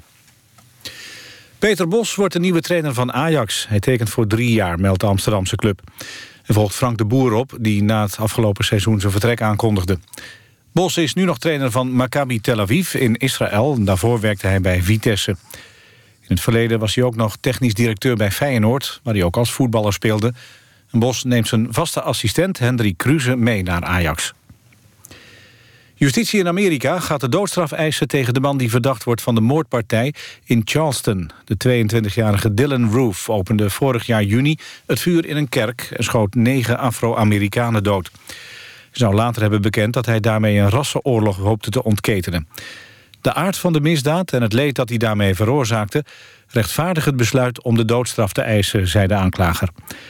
Roof had een website opgezet met een racistisch manifest... en ook stonden er foto's op waarop hij poseerde met neonazistische symbolen.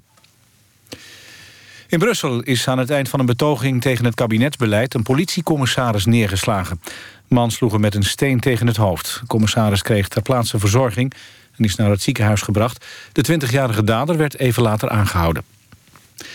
Het weer vannacht droog, 11 graden. Overdag bewolking en kans op een bui, maar later op de dag meer zon. Het wordt 16 tot 19 graden. Vanaf donderdag nog wat warmer, maar ook meer kans op een regen- of onweersbui. Dit was het NOS Journaal. NPO Radio 1. VPRO. Nooit meer slapen.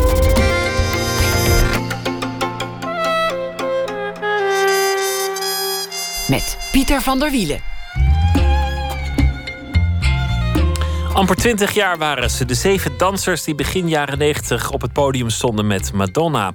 Door de film In Bed with Madonna werden ze ineens wereldberoemd. Maar wat is er daarna met ze gebeurd? Straks een gesprek met Rijer Zwaan en Esther Gould. Zij maakten een documentaire over deze dansers, Strike a Pose. Jeroen de Leijer komt langs. Hij is de striptekenaar die verantwoordelijk is voor Eefje Wentelteefje. Er is een nieuw album. Wij willen Eefje Wentelteefje. Katelijn Schilder zal deze week elke nacht een verhaal voordragen over de voorbije dag. Zij is auteur en schrijfdocent. Ze heeft twee romans gemaakt: De Eenling en Eerst een Huis. Goeienacht, Katelijn. Dag Pieter. Vertel eens, wat, uh, wat was het voor dag? Uh, mijn uh, gedachten bleven hangen vandaag bij het woord zomerstop. Er waren klachten uh, over televisieprogramma's die nu al van de buis zijn verdwenen en die pas eind augustus weer terugkomen. Ja, en, dat is uh, toch wat, hè? Dat, dat, ze dan, dat je er gewoon, gewoon drie maanden. Drie maanden vakantie. Krijgt. En ik had gisteren mijn winterjas nog aan, dus ik dacht, dit is wel een beetje vroeg. Uh, maar ik vond het ook wel een fijn woord, het zomerstop. En ik verlangde er door naar de zomer. Dus daar heb ik over geschreven. Mooi. Nou, ga je gang. En uh, ja, het is, dus, het is dus nu nog duidelijk geen zomer, maar dit stuk, in dit stukje is het wel zomer. Dus Oké, okay, probeer... we, we denken de zomer erbij. Denk de zomer er maar even bij. Op tafel stapeltjes post en kranten die de buurvrouw heeft gesorteerd. Er ligt een briefje bij. Welkom thuis, staat er. Daarnaast een tekeningetje van een palmboom. En PS, ze wilde graag de tuin sproeien, maar de tuinslang schoot elke keer van de buitenkraan. De reservesleutel van de buurvrouw zit met een plakbandje aan de brief geplakt. Ze vertrekt zelf morgen. Binnen ruikt het naar oud water in een vissenkom. De vensterbank ligt vol insecten. Van enkele bewegen de pootjes nog. We staan lang boven die vensterbank. Zoals we nog geen dag geleden ook heel lang steentjes in een beekje konden gooien. De televisie gaat aan. Voor het eerst in weken. De gast en de presentator in de studio zweten, wapperen, drinken. Er zoomt een bromvlieg voorbij die ze proberen weg te meppen. Op de andere zenders voetballers en wielrenners die we niet kennen... en een detective die zelf al een paar jaar dood is. De kinderen rennen de straat in op zoek naar vriendjes. Na een minuut of tien komen ze terug. Zelfs Herman is er niet. De een leest nu een Donald Duck op de trampoline... terwijl de ander op en neer springt. We sproeien de tuin terwijl een van ons de tuinslang tegen die kraan blijft duwen. Binnen staat de televisie nog aan. Van heinde en verre snelle muggen en vliegen de huiskamer in om naar het licht te kijken. De sport en, uh, en de zomer die zullen overheersen. Dat was Ja. eigenlijk de klacht. Er, er zijn geen talkshows op televisie deze zomer. Ook geen, eh, geen Jinek. En Nee. eh, nou ja, we zijn deze zomer dus veroordeeld tot sport of Ja, literatuur. Kan ja, ook. ik vond het ook wel grappig dat ze zeiden, maar er zijn wel detectives op. Dat, dat ik, dacht ik, ja Als je nee. niet van sport houdt, dan kijk je toch lekker naar Derek. Ja. Ja, ik dacht, ja, dank je. ja gewoon. eh, ja, ik geloof op de radio wordt ook heel veel sport. Maar eh, nou ja, je, kan, je kan altijd nog een boek lezen. Ja, en Nooit meer mee. slapen gaat nog wel even door, toch? Ja, dacht ik dacht dat, dat, dat iemand mij drie maanden vakantie gunt. Ja, daarom. Nee joh. Doen we dat gewoon. Misschien krijg ik nog een, nog een lang weekend Tessel cadeau van de omroep. Maar eh, verder gaat het niet hoor. Katelijn, dankjewel. En een uh, goede nacht en graag weer tot morgen. Tot morgen.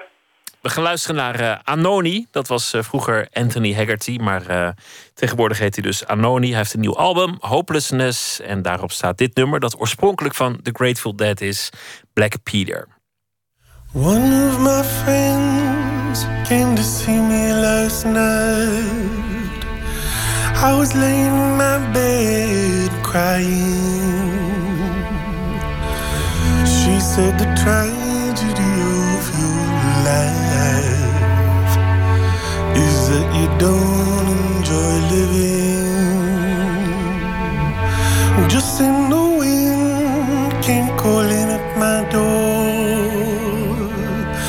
I was swept into shadow.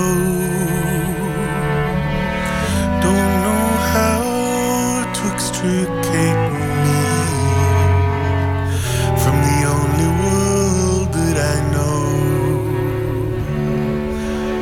Fear rose up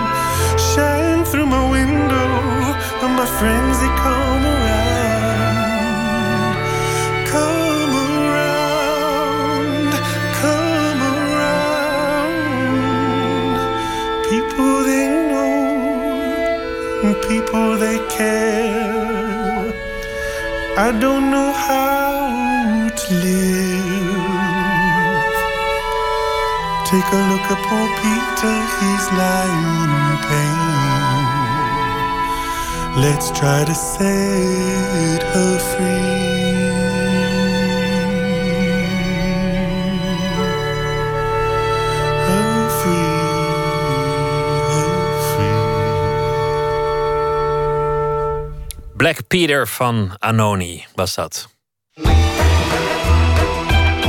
Nooit meer slapen. Amper 20 jaar oud waren ze, de zeven dansers die met Madonna op het podium stonden tijdens de legendarische Blonde Ambition Tour. 1990 was het. Door de documentaire, een jaar later, In Bed with Madonna, werden ze ineens wereldberoemd en werden ze ook zelfverzekerde rolmodellen. Maar wat is er na die film allemaal gebeurd? Die vraag stelden Rijer Zwaan en Esther Gould zich en ze laten dat zien in de documentaire Strike a Pose. Een gesprek met Floortje Smit.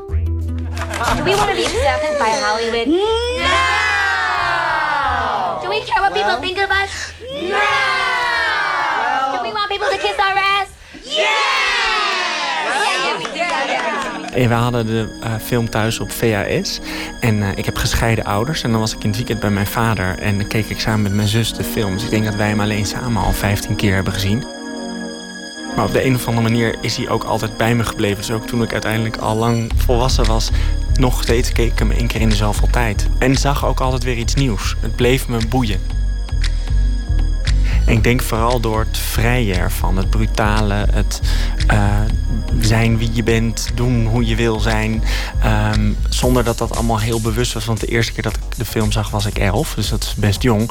Maar hoe vaker ik de film heb gezien, hoe ouder ik werd, hoe meer ik me ook bewust werd van het feit hoe bijzonder dat eigenlijk is en zeker was in die tijd. Rijerswaan is niet de enige die weggeblazen was door die inmiddels iconische documentaire In Bed with Madonna.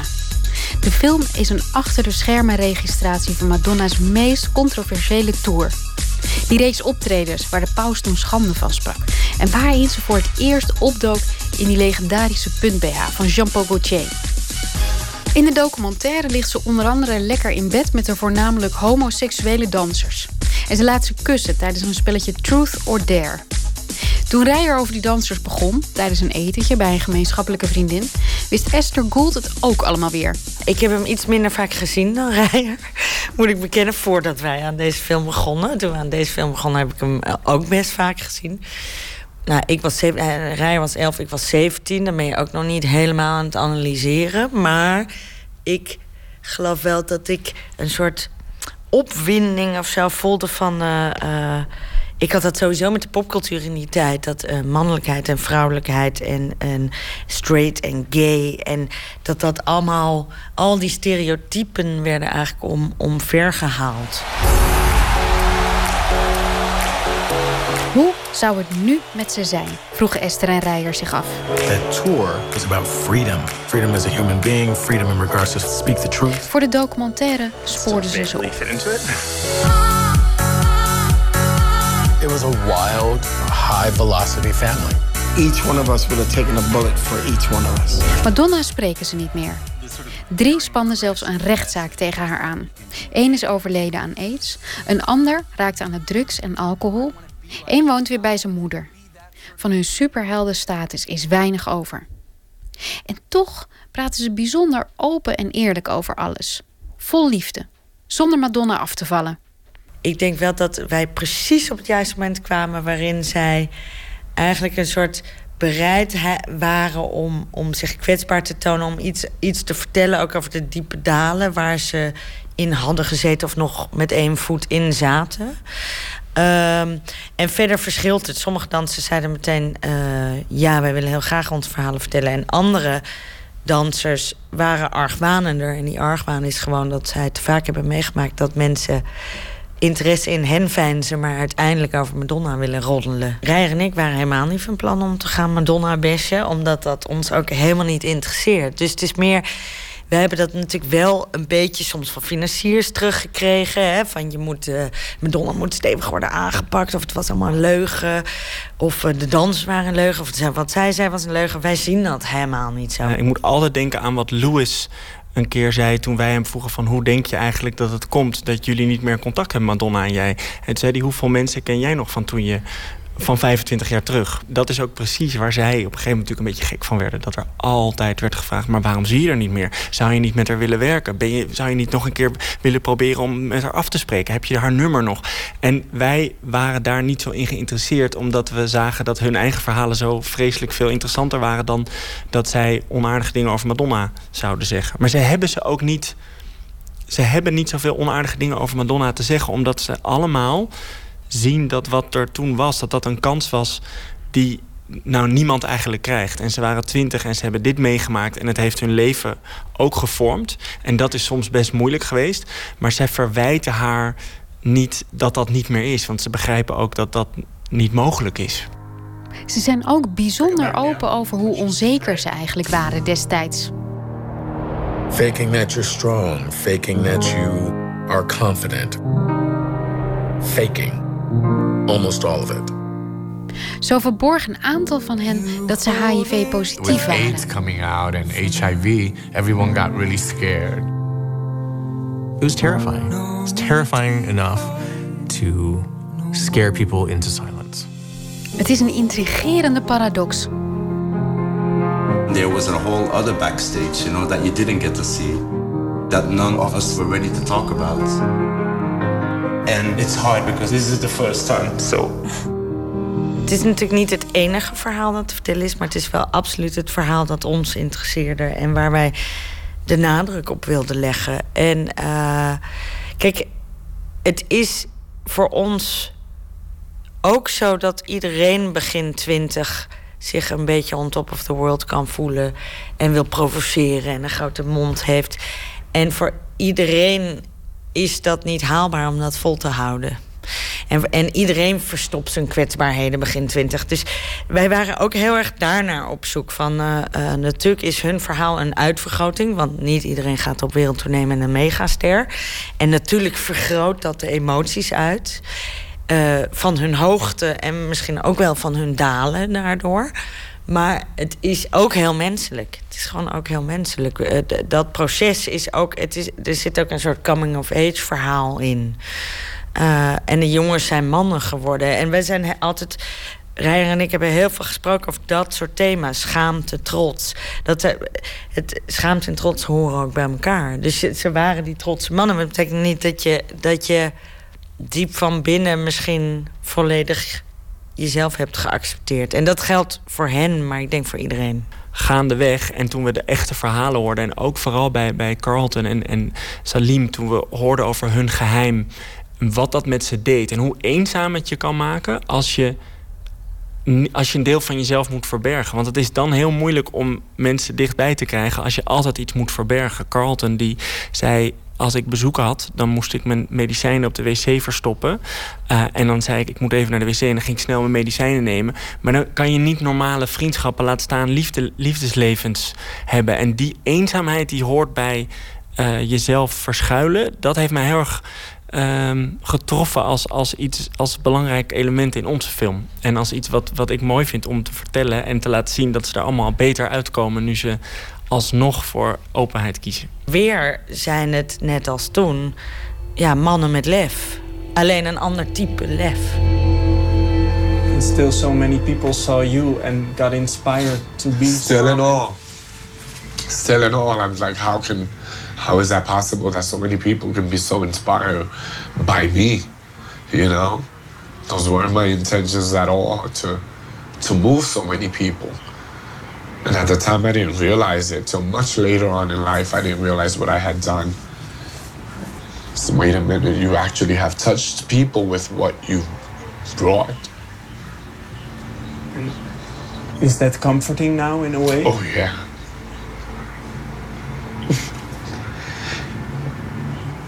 if I have nothing else, that to me is enough. Het is ook zo interessant dat ze niet alleen zich als trotse mannen toen toonden, maar dat ze ook daarmee zoveel mensen hebben geraakt. En dat er mensen zijn, tot op de dag van vandaag, die zeggen: dankzij die dansers durf ik mezelf te zijn, durfde ik uit de kast te komen, wist ik dat het oké was, wist ik dat ik niet mijn leven eenzaam hoefde door te brengen omdat ik homo was, omdat ik anders was. En het feit dat zij die betekenis hebben gehad, uh, en, en nu zie je dat, nu onze film er is in de reacties, alleen al op de trailer.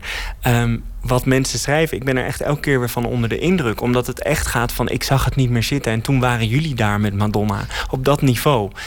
En dan erachter komen dat hun eigen verhalen ook vol zitten met die worstelingen, met schaamte. En dat heeft iets heel sterks. En, en wij hopen, uh, en, en gelukkig de eerste mensen die de film hebben gezien, zien dat er ook in, dat het ook iets hoopvols heeft. Omdat zelfs zij, hebben er last van, maar ook zij zijn er uitgekomen en, en durven nog steeds zichzelf te zijn. Grote afwezige in de documentaire is Madonna zelf. We dachten altijd dat als we een interview met Madonna zouden gebruiken in deze film, dan zou het hele idee dat het een film over de dansers was, zou in één keer weg zijn. Je kunt Madonna niet een heel klein beetje in je film hebben. Daarvoor is zij te groot, te veel, te bekend. Uh, even los van haar eigen mogelijke uh, uh, ideeën over invloed op de film. Maar wij wilden niet dat het eigenlijk de aandacht toch weer naar haar zou verschuiven. Heeft ze hem inmiddels, hebben jullie wel al te horen gekregen of ze hem gezien heeft, de film? Nou, we hebben niet te horen gekregen of ze hem gezien heeft. We weten dat ze hem heeft. Dus we weten dat zij echt uit in eigen initiatief uh, gevraagd heeft om een screeninglink. Uh, want haar management en advoca advocaatkantoor hadden al de film. Maar zij heeft er zelf bewust om gevraagd. Wij vermoeden dat ze hem gezien heeft. Maar dat weten we natuurlijk niet zeker. Uh, we hebben geen reactie gekregen. Misschien is dat een mooie reactie, weet je wel? Ja. Misschien is dat het beste. Al dus Esther Gold samen met Rijer Zwaan maakte zij de documentaire Strike a Pose over de dansers van de Blonde Ambition Tour uit 1990 van Madonna. Vanaf donderdag is de film in de bioscoop te zien. Een bijdrage van Floortje Smit was dat. Paul Simon gaat eh, dit najaar op tournee in Europa. Hij zal ook Nederland aandoen. Volgende week verschijnt zijn dertiende soloalbum Stranger to Stranger, waarvan we draaien The Werewolf.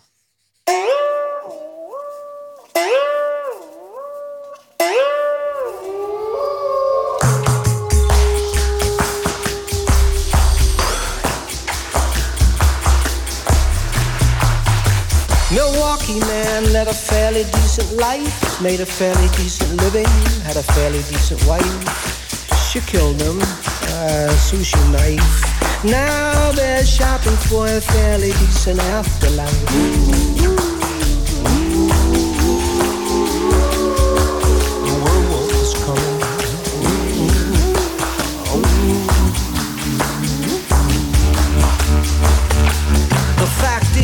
Most old bits are mixed reviews. Life is a lottery, a lot of people lose. And the winners, the grinners with money colored eyes, eat all the nuggets, then they order extra fries. The werewolf is called extra fries. The werewolf is coming, you know.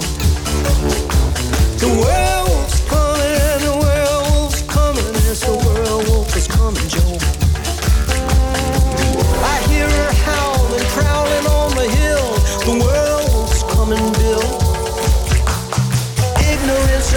arrogance, a national debate. Put the fight in Vegas, that's a billion dollar game. Revenue, pay per view, should be pretty healthy. The usual deductions, then it all goes to the wealthy. Still, the world was coming.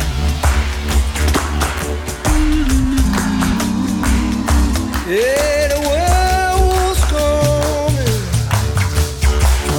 complaining, just the opposite, my friend. I know it's raining, but we're coming to the end of the rainbow. The lion and the spine through. Oh, you don't know me? Okay, I don't know you too.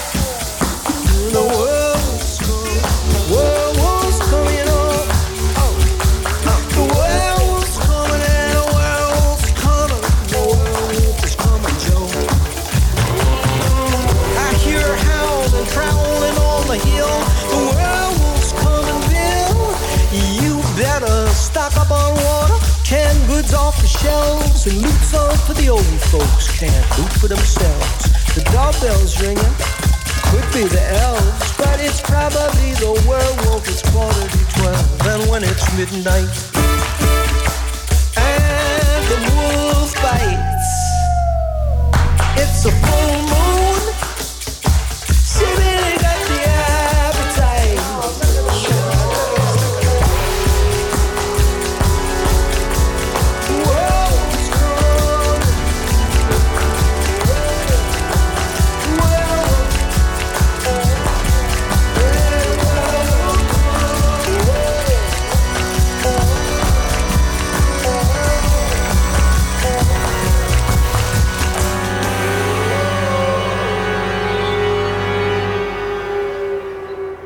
The Werewolf van Paul Simon. En 31 oktober treedt hij op in Amsterdam in de Ziggo Dome. Open kaart.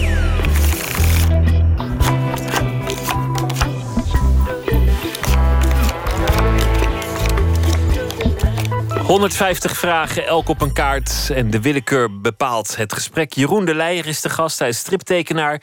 Er is een nieuw album uit. Wij willen Eefje Wentelteefje.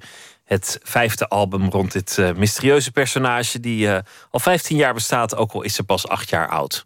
Klopt dat ongeveer 15 Eh, jaar? 25 volgens 25 mij. zelfs ja, al. Ze, nog, eh, ze is echt oud voor de leeftijd.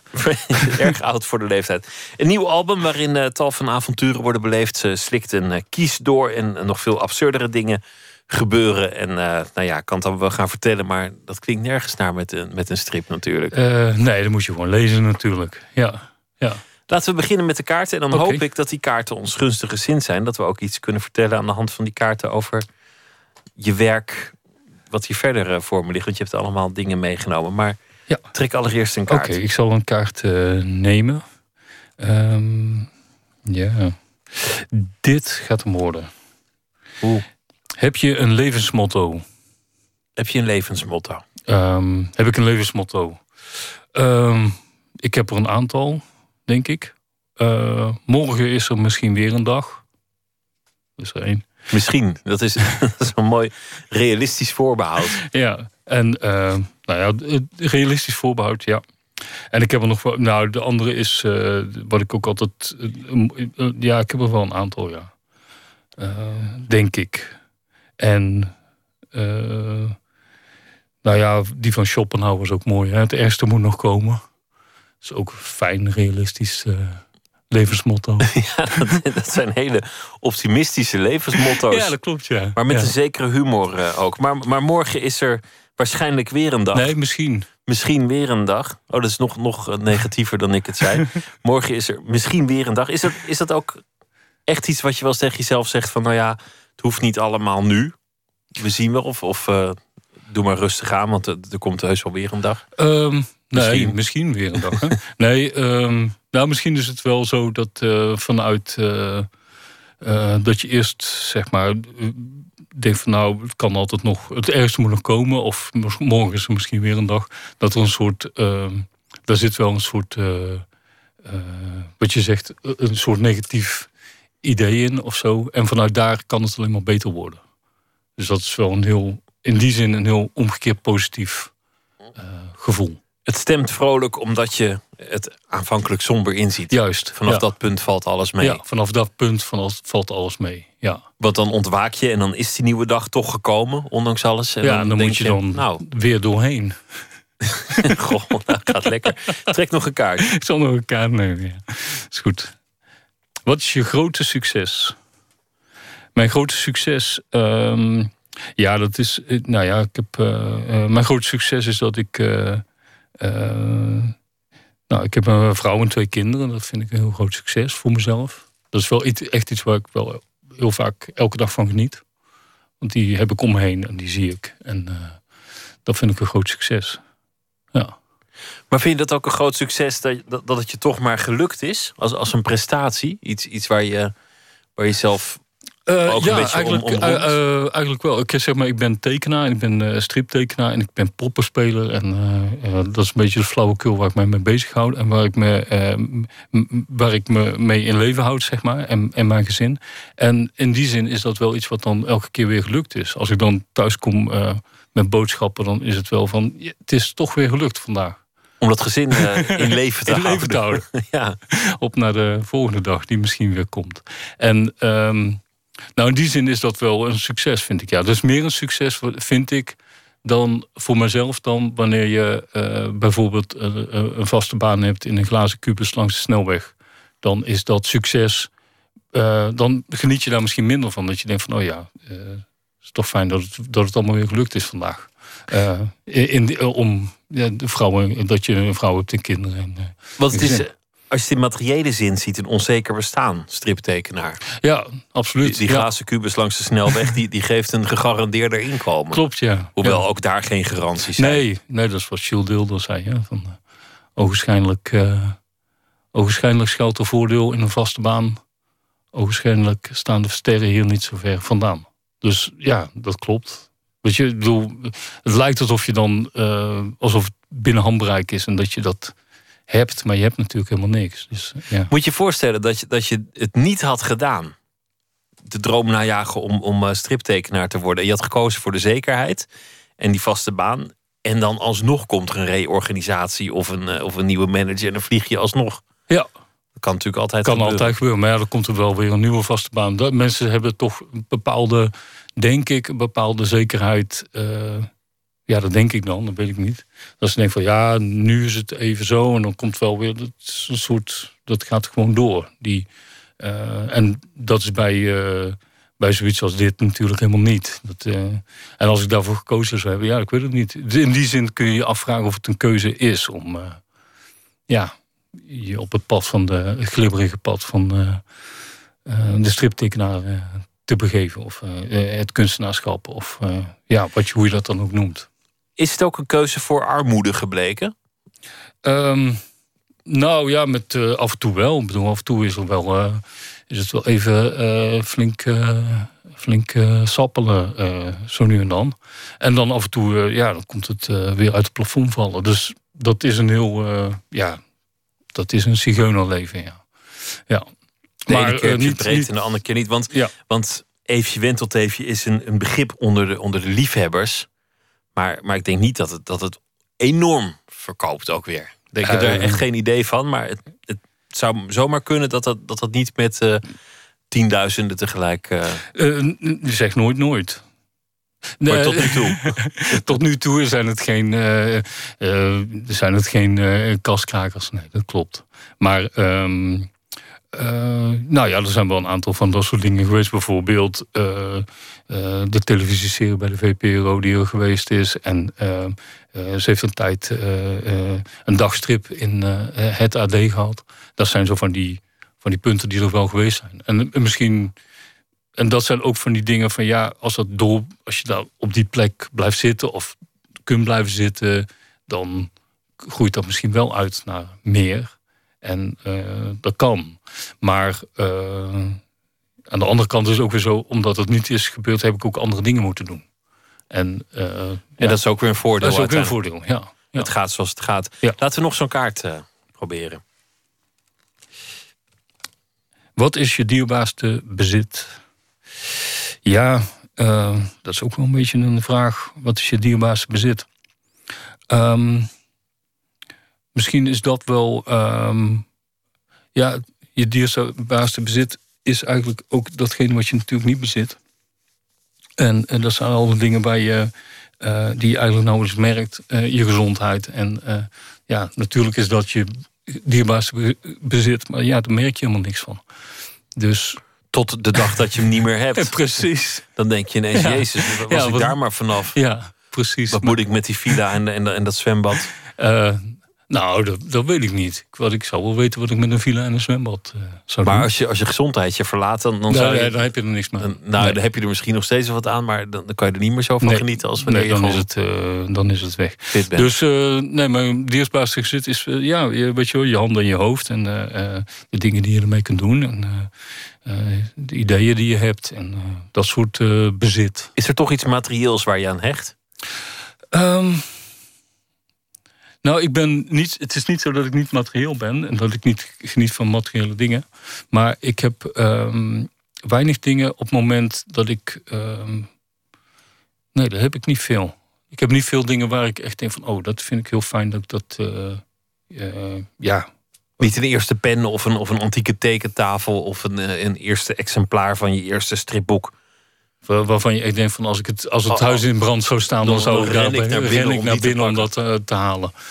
Ehm, nee, er zijn natuurlijk wel, ja, er zijn wel tekeningen die ik heb, weet je wel, dat ik tekeningen eh, heb op dat moment. Maar ja, eh, dat je weet van, oh ja, ik was toen daar en daar en ik deed toen dit en dit en dan was die in die periode en dan komt dat weer terug. Maar al die tekeningen die kun je gewoon inscannen of er is een boek van of in die zin, er zijn wel schetsboeken die ik heb of eh, in die zin is er wel materieel bezit. En het is natuurlijk ook heel vreemd als je zelf dingen maakt. Eh, ja, je maakt zoveel dingen dat je dan. eh, en dat heb ik wel met schetsen of zo. Dat je dan een schets hebt gemaakt. En denk van, oh ja, die heb ik toen gemaakt. En dan wil ik ook die hebben. En dan ga je echt dozen opzoeken naar die ene tekening. Omdat je weet van, ja, zoals ik hem toen heb gemaakt, kan ik hem niet nog een keer maken. Want iets, iets gebeurt ook. We- Weet je bijvoorbeeld de eerste keer dat Eefje uit je, uit je potlood rolde? Ja, ja, ja, dat weet ik nog wel, ja. ja. Er was een, ehm, ja, ik heb even getekend voor, ehm, eh, voor een, eh, een, een tijdschrift. Ik was toen eh, 17. En het was een tijdschrift voor ehm, eh, muzikanten. Muzikantenwinkel heette eh, was dat voor. En ja, ik was gevraagd om een strip te tekenen, omdat ik veel tekenen. En ik heb toen dacht van, nou, dat lijkt me eh, tegen al dat eh, postpunk, eh, garage, eh, punk geweld, eh, om daar een meisje tegenover te zetten, zeg maar, als tegen, tegenwicht.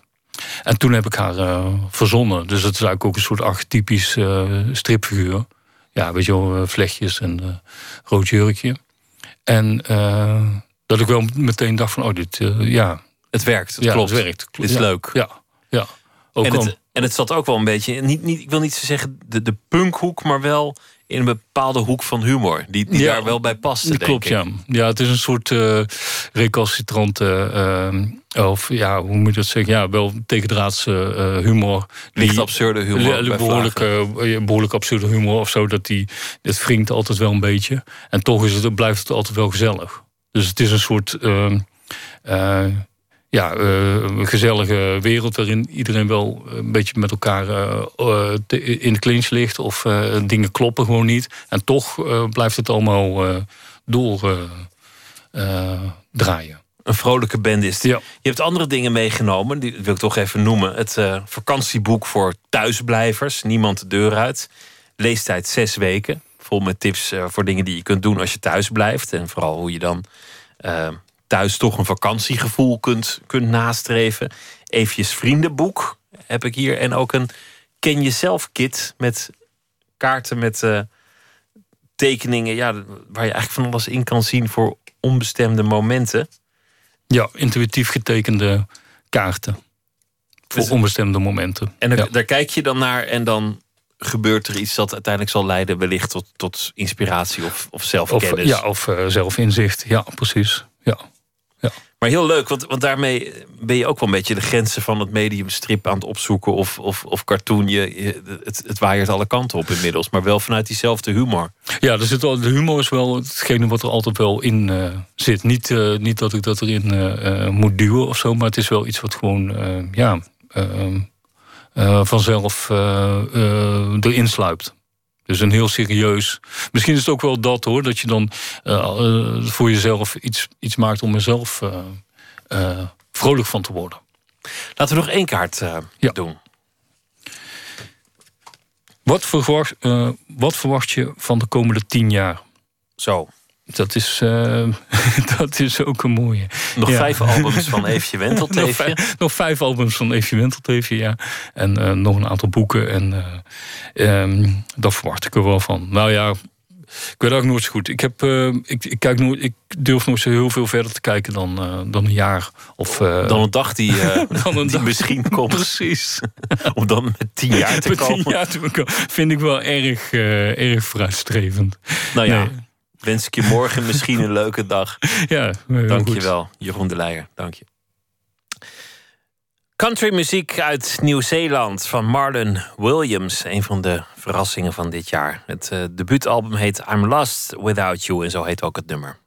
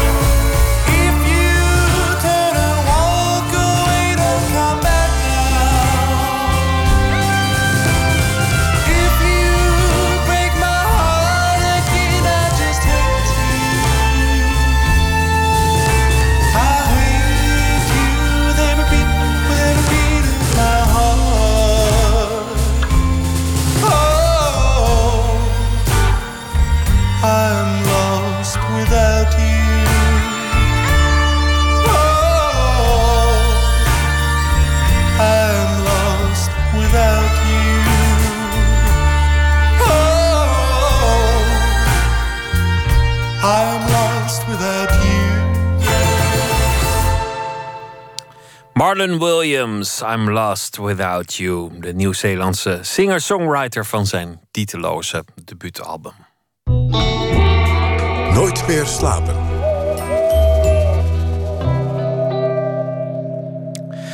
Geluksprofessor Groeimarkt, multitasken, passie, inspiratie, het oeps-moment. En dat zijn allemaal voorbeelden van waaitaal. Want er was vanavond een hele avond rondom georganiseerd, de waaitafel. Emmy Colau, nachtcorrespondent, was aanwezig. Welkom, Emmy.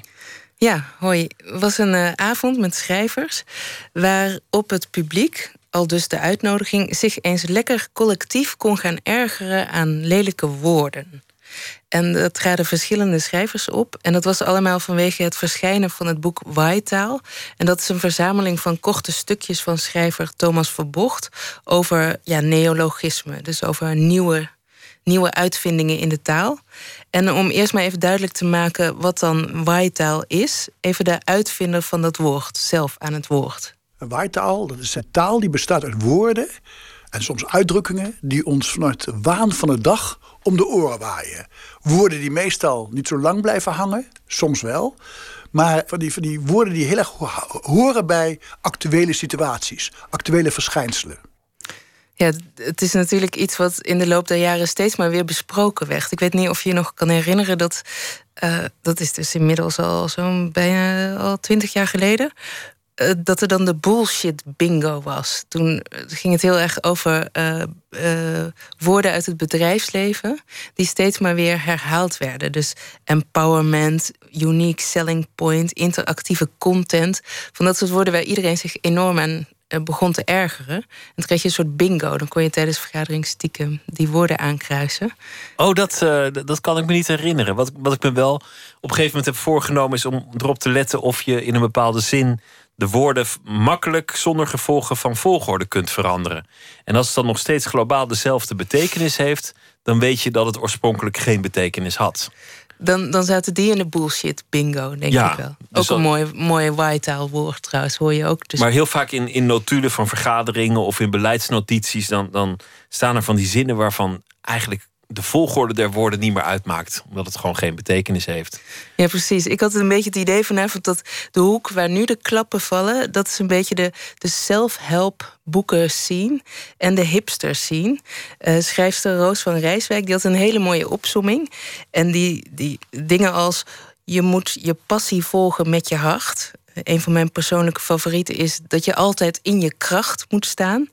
Of zoiets als: dit weekend ga ik even lekker niks doen op een foodtruck festival. En daarna ga ik hup even naar de barbershop. Nou ja, dat soort termen, daar ergeren mensen zich natuurlijk uh, steeds meer aan. En televisiemaker en schrijver Arjen Lubach, die was ook aanwezig. En hij ergert zich ook aan zo'n soort woord, zo'n self-help woord. Namelijk uh, geniet, bijna een bevel. Het is een soort van in onze cultuur misschien wel geslopen. Dat je iemand wenst dat hij, of verplicht te genieten. Dat zeggen mensen ook. Oh, je gaat op vakantie, geniet. Terwijl mijn uitgangspunt is dat ik mijn huidige staat van welzijn altijd op peil probeer te houden. Dus niet alleen als ik op vakantie ga. Ja, voordat we overgaan uh, op het genieten van taal, eerst nog één kleine ergernis van Thomas Verbocht. Namelijk over het woord social basitas. Social basitas, dus een, een, een woord dat bedoeld is voor mensen, of bedoeld is, dat gaat over mensen die dus de hele dag met hun sociale media in de weer zijn. Hè? En dat vind ik weer een woord dat een beetje plechtiger moet klinken dan misschien de bedoeling is. Want kijk, dan vinden, dat, vinden ze dat interessant om zo'n om zo'n debiele eigenschap, om de hele dag maar op je, aan je, op je telefoontje te kijken, het een beetje uh, wetenschappelijk te noemen, benoemen. Raar is dat. Waarom zou je eigenlijk ergeren aan dat soort dingen? Want um, het is ook gewoon taal die zich ontwikkelt. Sommige woorden komen, sommige gaan. En misschien zit er wel een nieuw woord bij dat in de eeuwigheid iets uitdrukt dat we anders niet konden vertellen. Ja, een van de dingen die ik bedacht waar veel mensen zich, als ze zich aan woorden ergeren, dan is het vaak omdat die woorden iets, iets verbloemen of kleiner maken dan ze zijn. Of eigenlijk uh, iets wat helemaal niet zo interessant is, dus interessant willen maken, zoals bij dat social basitas. Maar uiteindelijk, die hele zaal, het zat hartstikke vol. Er zaten ook nog uh, taalliefhebbers als Huub van der Lubbe en uh, scenario-schrijver Maria Goos. Het zijn uiteindelijk juist, juist de mensen die zich ergeren. Dat zijn de mensen die heel erg houden van taal. En Thomas Verbocht die zegt dat zelf eigenlijk ook wel. Ik probeer de haatverhouding, dus laat ik het zo zeggen, dat ik me enorm erger, probeer ik zo, zoveel mogelijk te dimmen. dat, ik, dat ik vooral zorg voor dat ik er vooral om moet lachen. Ja, en wat ik een mooi nieuw inzicht vond bij mezelf in ieder geval was dat sommige van die, van die waaitaalwoorden die geven je een heel ongemakkelijk gevoel. Dat als iemand ik heb dat bijvoorbeeld zelf dan met het oepsgevoel. Schrijver Maurits de Bruin die refereerde aan het oepsgevoel. En dat is dan een manier waarop hersenwetenschappers proberen uit te leggen hoe je hersenen reageren op gevaar. Maar het oepsgevoel, gewoon dat woord. Dat, dat, ja, want dat... je had dan ook in de hersenen een oepsgebied. Dat zou oplichten wanneer jij het oepsgevoel hebt, omdat je een oepshandeling hebt verricht. Gewoon een blunder en dan is er een soort correctief centrum in, in het brein. Maar dat heet dan het oepsgebiedje. En daar vandaan kwam dan weer dat, ja. dat vervelende oepsgevoel. Maar sommige van die woorden, die, die, die, ja, daar schaam je je gewoon bijna voor als iemand dat gebruikt. Of als je dat leest of hoort. Dat, dat voel ik mooi. Een ongemakkelijk gevoel. En uh, het mooie aan het, het boek van Thomas Verbocht, maar ook aan wat mensen zoals Paulien Cornelissen doen, is dat ze die taal zo goed bekijken dat, dat er eigenlijk hele mooie observaties uitkomen. Over hoe mensen bijvoorbeeld zich gedragen en hoe, hoe ze zijn. Of over hoe een woord snibbig kan zijn. Op de band van de supermarkt, als je ligt, ligt dan tussen de, tussen de boodschappen van je voorganger en de boodschappen van jezelf, ligt een ding. En ik wist helemaal niet wat er was. Dus ik vroeg aan de cashier van, wat is dat nou? Dus hij zei, het een beurtbalkje. En, en ik vind het echt een heel snippig Nederlands woord. Hè? Want soms zie je mensen ook heel, uh, echt, echt heel, uh, beetje, beetje zo'n beurtbalkje pakken. En tussen je, alsof, alsof ze bang zijn dat jij hun boodschappen wil afrekenen. En Arjen Lubach die hield eigenlijk een pleidooi uh, dat we ons minder moeten gaan ergeren. Want er zijn inmiddels zoveel taalrubrieken en programma's en woordenlijsten en eindejaarslijstjes met nieuwe woorden die vooral niet meer gebruikt zouden moeten worden, dat nieuwe woorden helemaal geen kans meer krijgen. Het is ook een soort wildgroei van, uh, van uh, massaal ergeren. Als er dan weer een, een soort samen, samenraapsel van woorden tot één woord wordt gemaakt... dan wordt het ook meteen weer kapot gemaakt al. Het wordt inderdaad een soort collectief ergeren. En dat vind ik soms wel een beetje jammer. En überhaupt taal is, een, uh, is natuurlijk een soort een zee die verandert en niet een vast dichtgevroren meer. En je moet dus opletten dat je niet met z'n allen te hard optreedt tegen vernieuwing. Juist, met z'n allen, dat is er ook eentje trouwens, ja. moeten we niet met z'n allen te hard optreden tegen taalvernieuwing. Taal is veranderlijk en daarom functioneert het ook zo goed bij Vlagen. Een, een boekje, een boek, boek, boek. Ja, nou, het, het, is een, het, is een, bescheiden boek met korte verhalen. En ik vond het heel ontzettend leuk om te lezen. Maar het verkleinwoord is ook in, in opmars, vandaar. Ja, een, een boekje, boek. Waaitaal van uh, Thomas Verbocht en Nicolaou, dankjewel. Goeiedag. Het vierde album van Jungle by Night heet The Traveler. En het vele gereis heeft zijn sporen achtergelaten. We horen Turkse funkmuziek, bezwerende Ethiopiek en psychedelische dub uit de jaren 60. En dit is de single Kingfisher.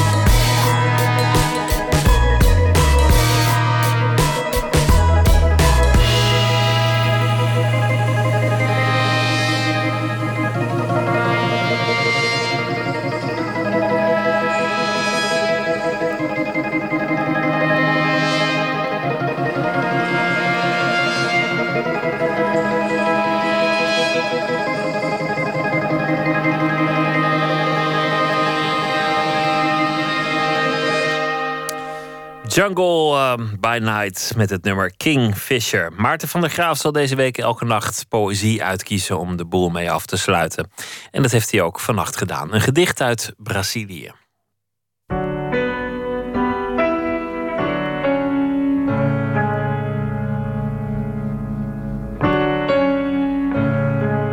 Geweldige dichter Ricardo Domenech is geboren in Sao Paulo en woonachtig in Berlijn. Hij schreef het gedicht van vandaag, dat staat in de bundel Het Verzamelde Lichaam. Vertaald door Bart Vonk, dat is een overzicht van zijn werk tot nu toe. In dit gedicht wordt de kortstondigheid van een relatie tegen het licht gehouden. De man van wie wordt gehouden krijgt er van langs, uh, wordt naar hem verlangd. Zijn geest wordt een aanhangsel van zijn lichaam, oftewel zijn penis. Het is enorm levendige poëzie, deze gedichten van Ricardo Domenech. Zeer vormbewust, niet zelden opruiend, hilarisch, donker en ook vol verzuchtingen. Tekst waarin de dichter zijn 25-jarige minnaar viert. Voor Jannes Birsner. Er waren oorlogen die langer duurden dan jij. Ik wens je geluk vandaag, want je overtrof met succes de levensverwachting van een giraf of een vleermuis, oude koe of wurgslang, uil. Pingwins overal ter wereld en varkens tegelijk met jou verwekt gaan al dood. Saturnus heeft, sinds zijn ei is gesloten, de zon niet één enkele keer omcirkeld. Stalker die me over duizend paadjes leidt naar de zone, gaat nog een andere winter op sluipjacht. Ik verberg mijn gezicht op je gladde borst. Als het mogelijk was, tekende ik een contract met Lem of met de gebroeders Strugatsky, de scenaristen van onze toekomstige dagen en nachten. Door klankband Diamanda Gallas, die loeit en mekkert, krast en snort. Laten we neuken. Ik vier je geest onder je haren in erectie als aanhangsel van je lichaam, je penis. Ergens bereikt een varken, jouw tijdgenoot, het toppunt van zijn rondbuikige bestaan. En ik vraag, uitgeput en zwetend, of de minnaars na hun wimpers eindelijk verenigd zijn, schaapjes stellen voor ze inslapen, euforisch en drachtig. Ricardo Domenech, een gedicht voor de 25-jarige minnaar. En dit uh, was voorgedragen en uitgekozen door Maarten van der Graaf. Morgen dan gaan we het hebben over architectuur. Arna Makis komt langs. Zij is geboren in Bosnië. Maakte daar uh, kennis met verwoeste en verdeelde steden. Ze heeft een boek, Mortal Cities and Forgotten Monuments. En daarin beschrijft ze de rol van de architectuur tijdens de keerpunten in de geschiedenis van Joegoslavië. En ze draagt ook ideeën aan voor het opbouwen van verwoeste steden. Dat allemaal morgen nacht in Nooit meer slapen. Voor nu een hele goede nacht en morgen een leuke dag. Graag weer. Tot dan.